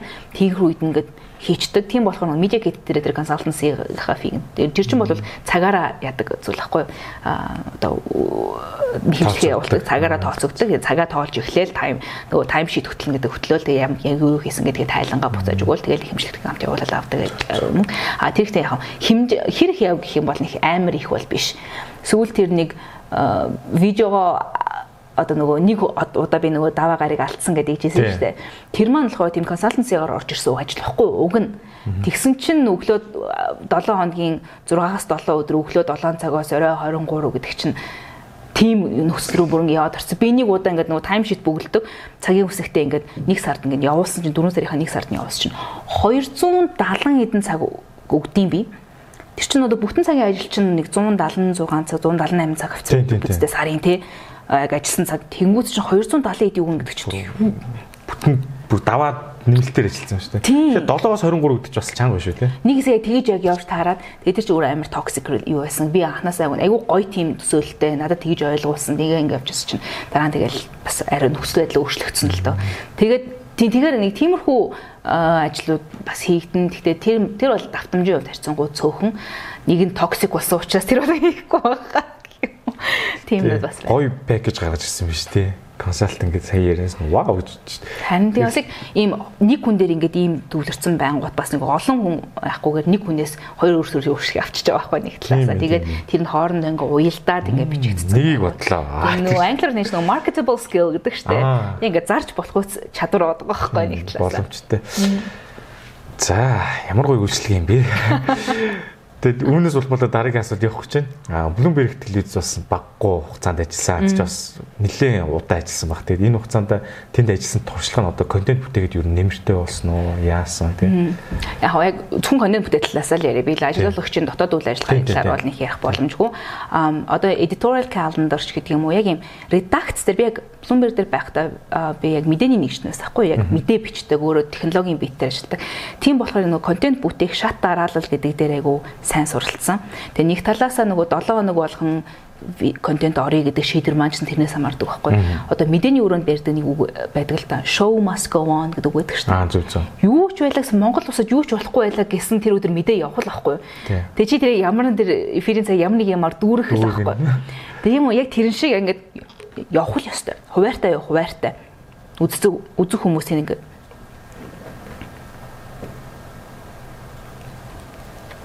хуваартай юу бол хуваартай үзэх хүмүүс нь байгаа учраас үзнэ.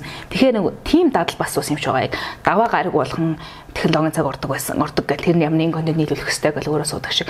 Одоо даваа гараг болгон YouTube дээр нэг видео нийлүүлэх хэрэгтэй. Тэнд ямар нэг юм байх хэрэгтэй гэл тэгээд унд судалгаа хийгээл ингээл те. Зарим нь болохоор цаг үеийн юм одоо видео мэдээллийг ингээд оруулж байгаа гэж бол Монгол одоо YouTube руу ороод ирэхээр влог болчихж байгаа байхгүй. Тэрнтэй эсвэл нэг сэдвийн мэдээ гэдэг чинь өөрөө сэдвийн контент бол видео бол авчиж байгаа байхгүй. Тиймэрхүү нөгөө нэг арга барил, тийм нөгөө нэг майндсет гэх юм уу те нэг тиймэрхүү юмыг би аягүй сурсан гэж боддог нэг талаас. Аа. Яг одоо нөгөө бүтээгчдийн юм чинь өөрийнхоороо ингээд нөгөө нэг завтаа болохоороо хийн гэдэг биш яг хуваарт орох хэрэгтэй юм байна. Нэг ажил шиг энэ хандах хэрэгтэй байх шүү дээ. Тийм. Тэр яг тэрнээс бас ихсэн бас яг мэдээний өрөөнөөс миний ингэж барьж авсан чадвар бас байж магадгүй. Аа тэгээ илүү чухал зүйл нь одоо ингээд дүмэрч төгсөхдөө би чинь нөгөө уг нь монголоор яриад байдаг Тэгсэн мөртөөсөө гадаа тараад байгаа хүүхд шиг тийм хүн бас гарч ирсэн байхгүй юу өөрөө. Яг тэрийг манай редактор хэлчихсэн ингээд ингээд харчихсан нанаа өг нь монголоор яриад байгаа. Гэхдээ ингээд яг үг өгүүлбэртэй аяг одоо англи ч юм уу орс үг ашигладаг. Өгүүлбэрийн бүтц маань нэг л тийм монгол биш те айгу тийм нэр үг их ашиглаж ярьдаг. Тийм нэр үг их ашиглаж ярьдаг шүү. Монгол хэл чи өөр айгу тийм үүл үгэн дээр сурдаг. Үүшүүлдэг, үүл дууддаг тийм хэл байгаа байхгүй үг нь. А тэгэхээр бид нар нөгөө нэг англи хэл рүү барууны англикан хэлнүүд ингээд судлаад ингээд латин их үсвэр төртэй тийм хэлээ судлаад ингээ явчингууд нөгөө бидний үг өгүүлбэрүүд маань аюух нэр үгэн дээр суурилдаг болж юм байна да. Өгүүлбэрийн бүтсэн тийм учраас тэгээд бид нөгөө тэрэндээ ач холбогдол өгөөд байсан ч юм уу тэгээд ихээр монгол хэл заа монгол хүн л болсон хойно гэнэ тэрэндээ ач холбогдол өгөөгүй байдаг ч юм уу тийм тэрийг алдсан байдаг байсан бууш таарсан. Тэгэнгүүт ингээ бас ингээ алтны дэрэгдэх гуйл шаардлага гэдэг шүү дээ. Тэгээ бас яг мундаг редакторуудын хажууд ажиллаад яг ингээ монгол хэлтэй би миний бичиж байгаа юм шиг араас нь редакторд орж ингээ эхлээд засч масаад бас ингээ нэг өгүүлбэрийн бүтсэн үг мөг юм тиймийг засна штэ. Тэгээд ирэнгүү тэгээ засныхан дараа би өөрөө буцаж ороод уншдаг. Тэрийгээ те юу гэж зассан байна. Я дараа нь бичгтээ яавал дээр юм байна гэдэг. Тэг хүн тийм редакторуудын хажууд ингээд ажиллаад эхлэнгүүт яалчгүй үг хэл маань ингээд сайжирдаг. Илүү яг яг жихнээсээ монголоор ярьдаг болж байгаа байхгүй. Өчтөрхөн би нэг найстайгаа уулзаж чи бид нэг бөөнөр ингээд уулзаад ясч бусад хүмүүс нэг би би нэг танилцуулж байгаа байхгүй чи манай Ми англи монгол хэлний орчуулга хийн, орос монгол хэлний орчуулга хийн, тэгээ бас монгол монгол хэлний орчуулга хийнэ. Аа, за за. Яг монголоос монгол руу орчуулга редакторуудын хийдэг ажил чинь тэр болцсон байсан. Тэгээ дараа нь яванда өөрөө бас нөгөө шинээр бас орж ирж байгаа. Бас өөртөө адилхан нөгөө нэг монголоор байгаа мөртлөөсөө монголоор ярьдаг байгаа хүмүүсийн юм хүртэл ингээд өөрөө редакторлдог болдог ч юм уу те. Тийм рүү бас орд юм бэ. Тэгэхээр хэвлэл мэдээллийн салбарт ажилласан туршлагаас одоо миний сурж авсан хамгийн гол зүйл маань би бол тэрийг гэж боддог. Хүмүүсээс ингээд төгсөж байгаа оюутнууд ч юм ингээд ямар чадварыг өөртөө суулгавал хамгийн үнцэнтэй чадвар байх вэ гэж асуудаг байхгүй. Зарим медиар орох гэж байгаа хүмүүс ч байна. Зарим нь өөр салбарт орох гэж байгаа хүмүүс ч байна. Бизнес салбар дээр байж болно. Бизнес салбар дээр байсан ч гэсэндээ монгол хэлээ сайн сураа гэдгийг зөвлөдөг байхгүй. Яа тэгэхээр бусад чадварууд ингээд байж болох ч бид нар монголоор биш чаддаггүй ингээд ингээд ингээд нөгөө нөгөө дөрвөлжин дугуйтай юм шиг ингээд ингээд идэх хөхгүй юу? Ингээд гат гат ингээд тэгээд тэгдэг. Тэгэхээр тэрийг бол зөвлөдөө тэгэхээр мэдээний өрөөнөөс яг миний сурч авсан чадвар бол тэр баг. А одоо одоо болт ашигладаг зүйл маань. Тэгээд зарим хүмүүс ингээд шүмхэж ямар албаны ярдийн ингээд намайг. Тэг миний нөгөө youtube видеонуудын доор ингээд зарим комментууд ингээд орж ирэхтэй ямар албаны ярдийн гэдэг ийм ажиглалтууд хүмүүс хуваалцдаг байхгүй би тэгээд эхлээл яах чадаагаан бол гэнгээ бодвол тэг албаны гэдэг нь одоо юу гэсэн үг ингээд ингээд бодгоо амхандаа л нэг бүтэн өгүүлбэрээр тий тэнийг монгол үг ашиглаад ярьсан байгаа юм л да. Тэрийг нь нөгөө сайхан нөхдүүд бол албаны гэж ойлгоод байдаг. Аа тэгээд ирэнгүүт би тэрнийг хэмзэглэхээ болсон сүулт эхлээд байсан хэмзэглээд ингээд шууд ингээд болохгүй юм болоо юу юм болоо гэж бодсон чинь сууж байгаа дараа нэг арай нэг 50 тий ингээд нэг бүрэн дөрөн ухаад үцхээр бас яг тим шийдэлд хүрч байгаа байхгүй. Тэгэхээр яг альбаны за альбаны байгаа л яванда альбаны гэж дүгнж байгаа хүмүүс насанд хүрэхээрээ альбаны биш байсан юм байна гэдгийг ойлгоно шүү дээ. Зөв зөв зөв. Тэгээ тэм чадвар зайлшгүй суралцсан soft skill болж байгаа учраас. За за Bloomberg их юм өгчээ танд. За бас одоо YouTube сувг дээр норд нэг видеоны төрөл яалтж байхгүй арьс арчилгаа байдаг. За. Арьс арчилгаа юу нэгэд бас тодорхой хэмжээнд одоо спонсорууд орж ирж байгаа юу? Ер нь орлого өсөлт нөлөөлж байна. Дэм болж байна гэдэг тийм. Тэгээ штэ яг арьс арчилгааны анх эхлэл нөгөө нэг би өөрөө нөгөө идэвхтэй орцуудыг судалсан байхгүй витамин С яг яад юм. Ниацинамид буюу витамин B3 нь яг яад юм. Тэгээ судлаад ингээ үзээд өөрийнхөө арсыг арчлах гал амхандаа судалж байгаа шүү дээ. Би судалсан амар гоё гоё мэдээж ангууд яг нөгөө зангаар энийг бусадтай хуваалцъя гэл. Нөгөө мэдлээ мэдлэг түгээ мэдээлэл түгээ гэдэг. Нөгөө нэг би ч өөрөө англи хэл дээр ч юм уу хайгаад ингээ судлаад мэдсэн. Тэгээ монгол хэл дээр хайгаар яг тийм үр дүнгууд нь гарч ирэхгүй байсан байхгүй. Тэнгүүт магадгүй хүн бол англи хэлээр тэрийг хайгаад очих боломжгүй тийм. Тэгэхээр тэр нь тэр их сурвалжийн болохыг нөгөө нэг маркетингийн хэллэгээр нөгөө searchable term гэж байдаг л да хайгаад үзчихдэг. Нэг хэрэгцээ нэг асуултад хариулдаг видеонууд тахгүй бид нар ч яг тий түүнээс яг ануу юу ярьж байна да биш витамин С нь яадын гэдэг гэдэг хайлтыг хийгээд видео үзэж байгаа юм байна. Тим агуулгуудыг нийлээ хийгээд ингээд өөрөө дуртай хийгээд өөрөө арьс арчилгаандаач дуртай аваад одоо ингээд мейкапч түрхэхэ боллоо ер нь угаасаа арьсал арчидаа тий.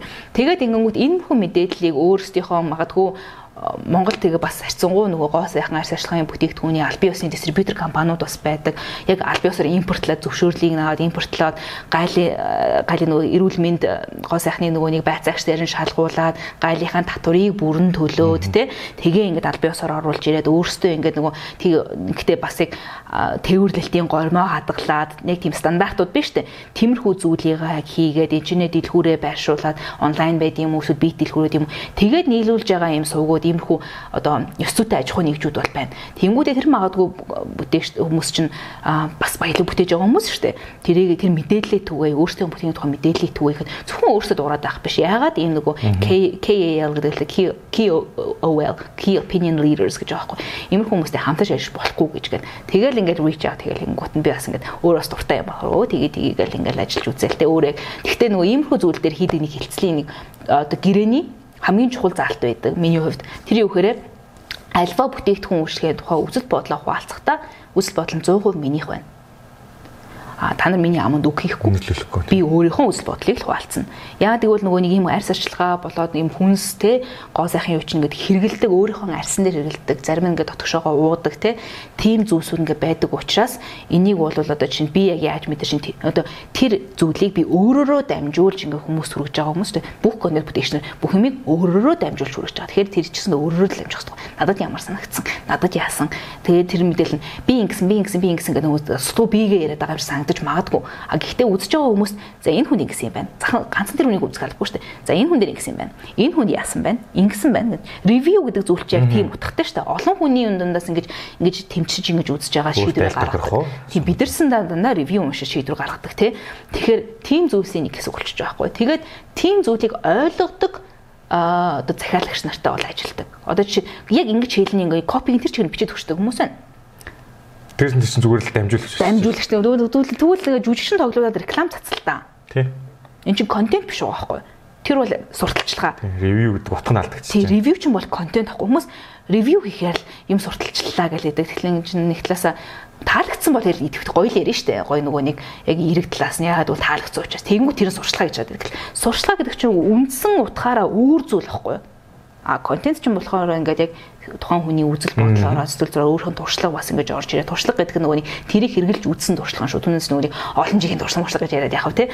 Тиймэрхүү зүйл нь ороод ирж байгаа болохоор тэрийг бас ялгаж салгаад ингээд явах юм явдаг тийм audience тийм үзэгчтэй болцсон үед айгу гоё. А тэгээ бас тэрийг ойлгож байгаа хүмүүс бас яг энэ гоо сайхны Монголд одоо импорт хэрэгчлүүд дээр бас байгаа. Тэгээ яг жинхэнэ асуултанд хариулахад тийм ээ тэрнээс бас ингээд нэг орлого олдог зүйл байна. Үйл ажиллагааны орлого гэж ингэж бодож байгаа. Орж ирж байгаа зүйлсүүд бол байна. Тэгээд тэрэндээ зориулаад бүр тусны Instagram хаяг маяг хүртэл хөтлөөд блог болгоод явж байгаа.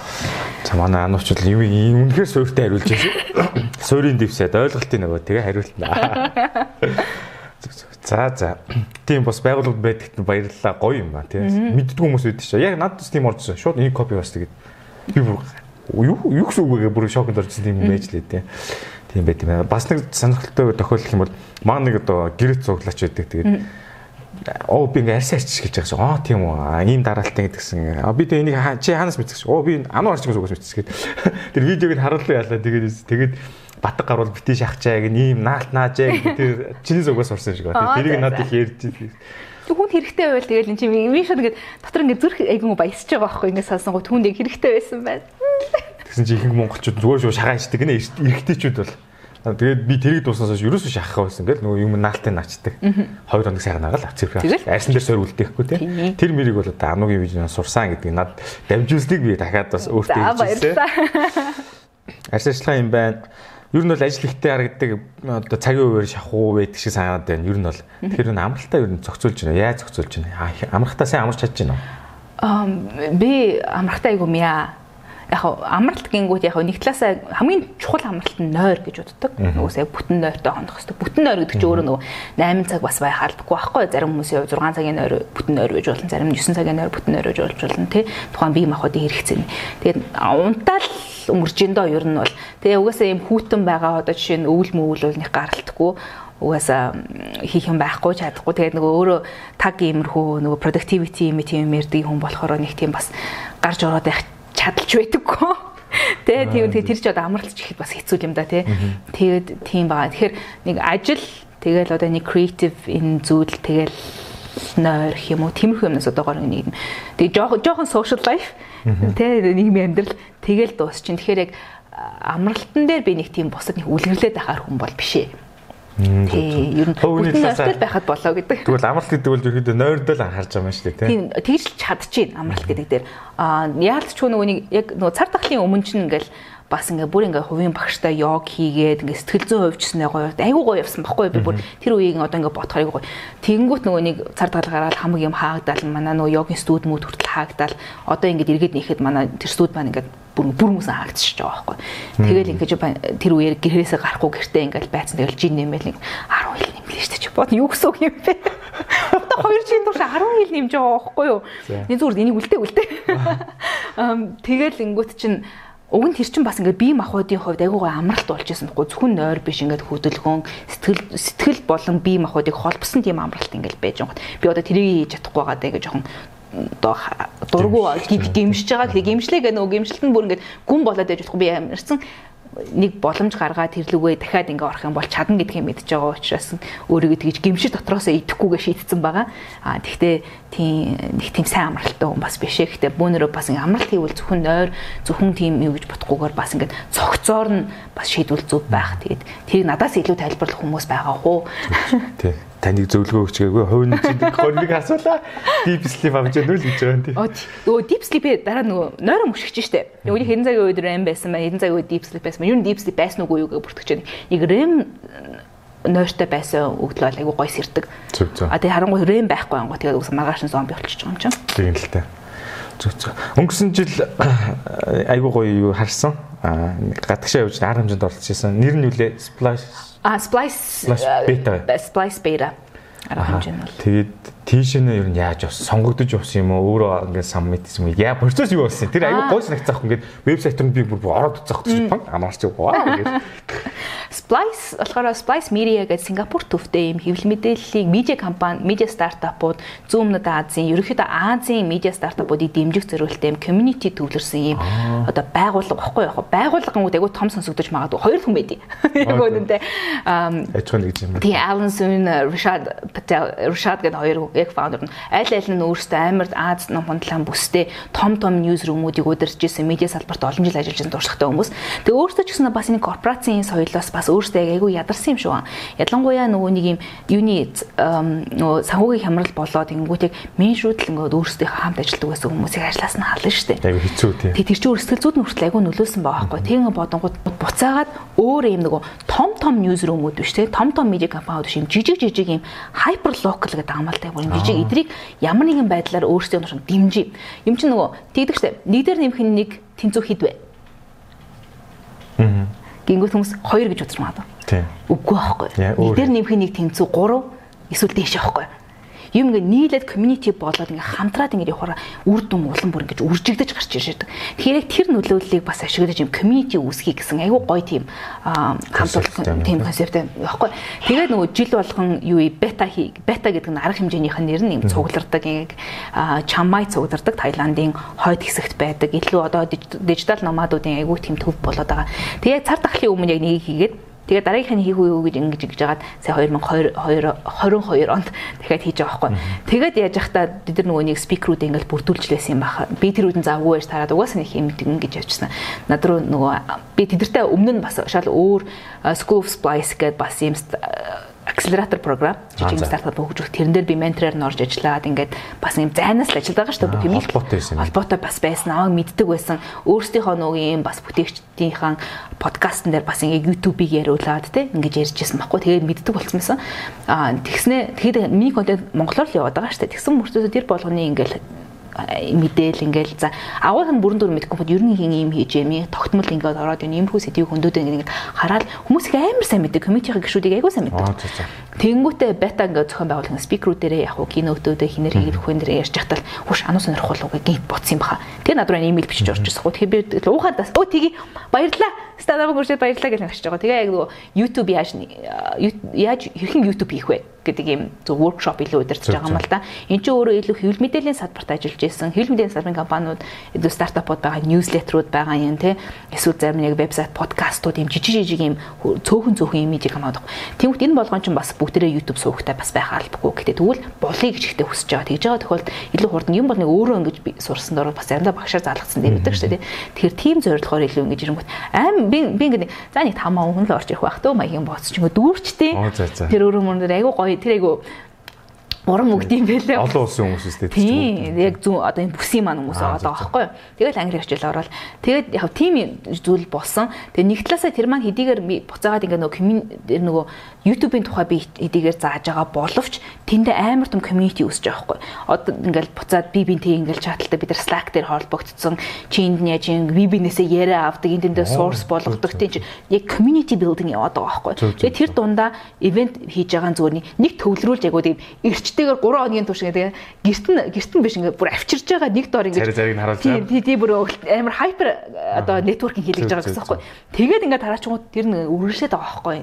Тэ тэгэхээр тийм гоё нэг тийм community бас байдаг хэвлэл мэдээллийн салбарт ажиллаж байгаа бол яг илүүтэй медиа салбар гэж явж байгаа. Монгол хэл рүү яг хэвлэл мэдээлэл гэж буугаад байж болно. Гэхдээ эн чинь зөвхөн одоо уламжлалт телевизээр хязгаарлагдахгүй маа илүү хайпер юм контент бүтээчнэр хүртэл энэ дээр орж ирж байгаамаа гэд байгаа байхгүй нэг талаасаа тий. Тэгэхээр нэг тийм сонин юм байнгын юм өөрчлөгдөж байгаа юм нэг динамик юм зах зээлийн орчин байгаад байгаа юм. Тэгэхээр тэрэн дээр нэг тийм гоё юм хийсэн. гоё лагд юм билээ тэр Монголиа гэл. Монголоос нэг ютубер очиж гэдэг. Над бол яг медиа гэдэг зүйл YouTube дундаас нэг хүн тийш очиж гэдэг нь амар гоё санагдчихсан байхгүй. Тэр үед бас тэнгуут нөгөө тэнцээ салбарын бас нөгөө төлөөллүүд нь байгаа байхгүй. Тэр арга хэмжигч ивент гэдэг байгаа хүмүүс нь GNI-г Google News Initiative явж байгаа, Meta явж байгаа юм нөө Unifran яана би зарим мартах байхаа. Бүрээгийн мэдээний иймэрхүү үйл ажиллагаадыг ивент ийм сангууд орж ирж байгаа юм тий.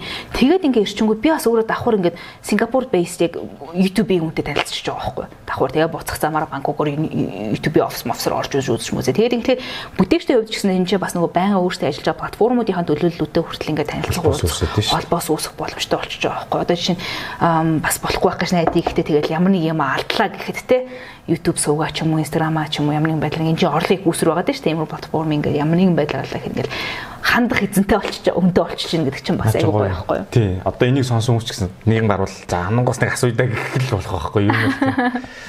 Би ч төсөв алдж үлдсэн. Юм л тавуулж авсан л та. За зөвлөж өгөх. За ерөнхийдөө ингээд Санс подкаст маань дуусах шиг хандж байна. За сүүлийн хэсэг дээр нэг асуухгүй болохгүй юм байна л да. Ер нь номын бас юу ороод та тий редактор хийж байгаа ном дээр ажилласан тий. Тэр ном дээр ажиллах ажиллагаа хэр үйдیں۔ Ер нь ном бас тодорхой хэмжээний орлого болж байна уу? Яаж байна? Юу яг би илүү тийм маркетингийн копины редактор болохоос номын редактор бол арай барахгүй байлээ. Ер нь бол байнгын ихэд чанга хэцүү. А гэхдээ нөгөө яг нэг л номны редактор дээр ажиллаж утсан тэр маань болохоор хулангийн The Girl in My Mirror гэдэг хоёр дахь ном нь байгаа. Манаас ютубер бас удаан найзалж байгаа найз дөрөв түнсний маань нөгөө хамтрагч хулан маань хоёр дахь номоо бичиж явахдаа хөгжлийн редактор орохгүй үз гэдэг ингэсэн. Тэгэнгүүт яг илүү би нөр үндсэн тийм утга зохиолын редакц гэхээсээ илүү техник редакц илүү хийсэн. Үг үсгийн алдаанууд, өгүүлбэрийн зохион байгуулалт, за энэ дээр нь жоохон юм яг баг зэргийн утга зохиолын редакц гэхээр энэ санааг энэ жоохон өргөсгүүл яасан, энэ жоохон багсуул яасан цөөхөө нэг тийм комент хийлдэл өн сайхан ярдаа. Тиймэрхүү юмнууд ингээ багтаагаад ингээ хийж үз. Тэгээ уусаа хулан маань ч гэсэн өөрөө бас айгүй гоё бичдэг болохоор амар бичдэг болохоор редактортайсан амар байсан. Аа илүү техник редакц дээр нь төвлөрөөл ингээл ажилласан. Тэгэхээр яг ямар ч нэг ном редакторлаж үзлээ. Тэгээ тэрийгээ дагаад өөрөө нэг ном бичих одоо хүсэл ингээд бадарлаа болох юм байна гэдэг юм руугаа ингээд би бичигдэж байгаа редактор хайж байгаа. Тэгээд тийм болсон. Тэгэхээр яг байнга бол энийг бол орлогын хүсэл болгоод иж би бол чадахгүй ах уу. Ер нь бол чанга ажил байна тий. Чаан тийм амархан. Одоо нөгөө хулан маань хулангийн маань бүтээлэг гайгүй байсан учраас болцсон гэж бодож байгаа. Би бол өөрийгөө тэрийг нэг сайн байсан. Уус алдараа ингээд хэвлүүсээ дараач ихний хэвлэл хэвлэл дээр бас алдаа гарч марцсан байлээ. Уучлаарай. А гэхдээ редактораараа болохоор манай ээж яг редактор байхгүй юу? Оо тийм. Яг ингээ яг яг жих утгаараа редактор би тэгээд өөр номоо ээжээрээ редакторлуулчих гэсэн чи үгээчний хараа редакторлохгүй гэдэг намайг тоохгүй байгаа. Тэгэхээр яхаа тийм илүү гэр бүлд нь бас байгаа л да. Good good read дээр ямар ч автор гэдээ тарагдчихсан. Болцсон явчихсан. Зөв зөв. За за ерөнхийдөө ингээд Сансуй подкаст маань энэ түрээд ер нь өндөрлж байгаа хамгийн сүүлд асуудаг асуулт бол нэг уламжлалсан асуулт юм. Тэр нь болохоор ингээд та хадгаламжтай эсвэл хөрөнгө оруулж эргэлдүүлж байна. Энэ хоёрын алийг нь илүү хийж яана л гэсэн асуулт байдаг л та. Ам би дандаа хадгаламж дээр төвлөрдөг байсан. Одоо хөрөнгө оруулалт руу орсон. Зөв зөв. Гэтэ аль аль нь байгаа. Зөв зөв. Аль аль нь авч байгаа. Дийлэх олонх нь хөрөнгө оруулалт эргэлтэндээ оруулж байгаа гэсэн үг. Ам одоо бол тийм. Yes хөрөнгө оруулалт хэр чин одоо бонд хувьцаа олон төрлөд байна. Тийм илүү санхүүгийн талдаа хөрөнгө оруулалт. Илүү уламжлалт хувьцааны зах зээл хөрөнгөний зах зээлийн хөрөнгө оруулалтыг энэ дээр явж байгаа. Гэтэ тэр дундаа бас нэлээд консерватив хөрөнгө оруулагч хувьцаанаас илүүтэй би бонд авдаг. А яагаад тэгэхээр day trading хийгээд байх сонирхол байд. Одоо чадамж нь байхгүй би тийм мяа учраас. Day trade ер нь бол зөвлөлтгүй лээ. Хэцүү лээ. Индекс фондууд болоод тийм бонд руу. Аа зөв зөв. Дотооддоо сонирхож байгаа юм. Зөв тавсан. Зөв зөв нүү бас орж ирэхээс өмнө бас багцаа арчил аа унтсан байна таgal хараач хийчихлээ. Өгөөж арчил тээ. За за. Ингээд Сансуй подкастын энэ удаагийн энэ шинэ ээлж дугаар маань энэ түгээд өндөрлж байна. За тэгээд мас сонирхолтой санхүүгийн сахилга ботлог энэ талаар дэлгэрэнгүй улс хууртай асуултанд маш дэлгэрэнгүй сайхан хариулсан анаа арчуудаа баярлалаа. Ирж оролцсонд баярлалаа. Урилга авсанд баярлалаа. Сонсон хүмүүс ч гэсэн дараагийн удаа толгойд нэг ч гэсэн удаа санаа сууй байсан байгаа гэж бодож байна зөндөө гоё хэрэгтэй. Би бас өөрөөс аа нэр тийм юм бодоод авсан. Тэгэхээр маш их баярлалаа. Урьсан маш баярлалаа. Бүгд нь бас үзсэн баярлалаа. За ингээд дараагийн дугаар хүртэл баяртай. Тэгээ сайн суцгаая.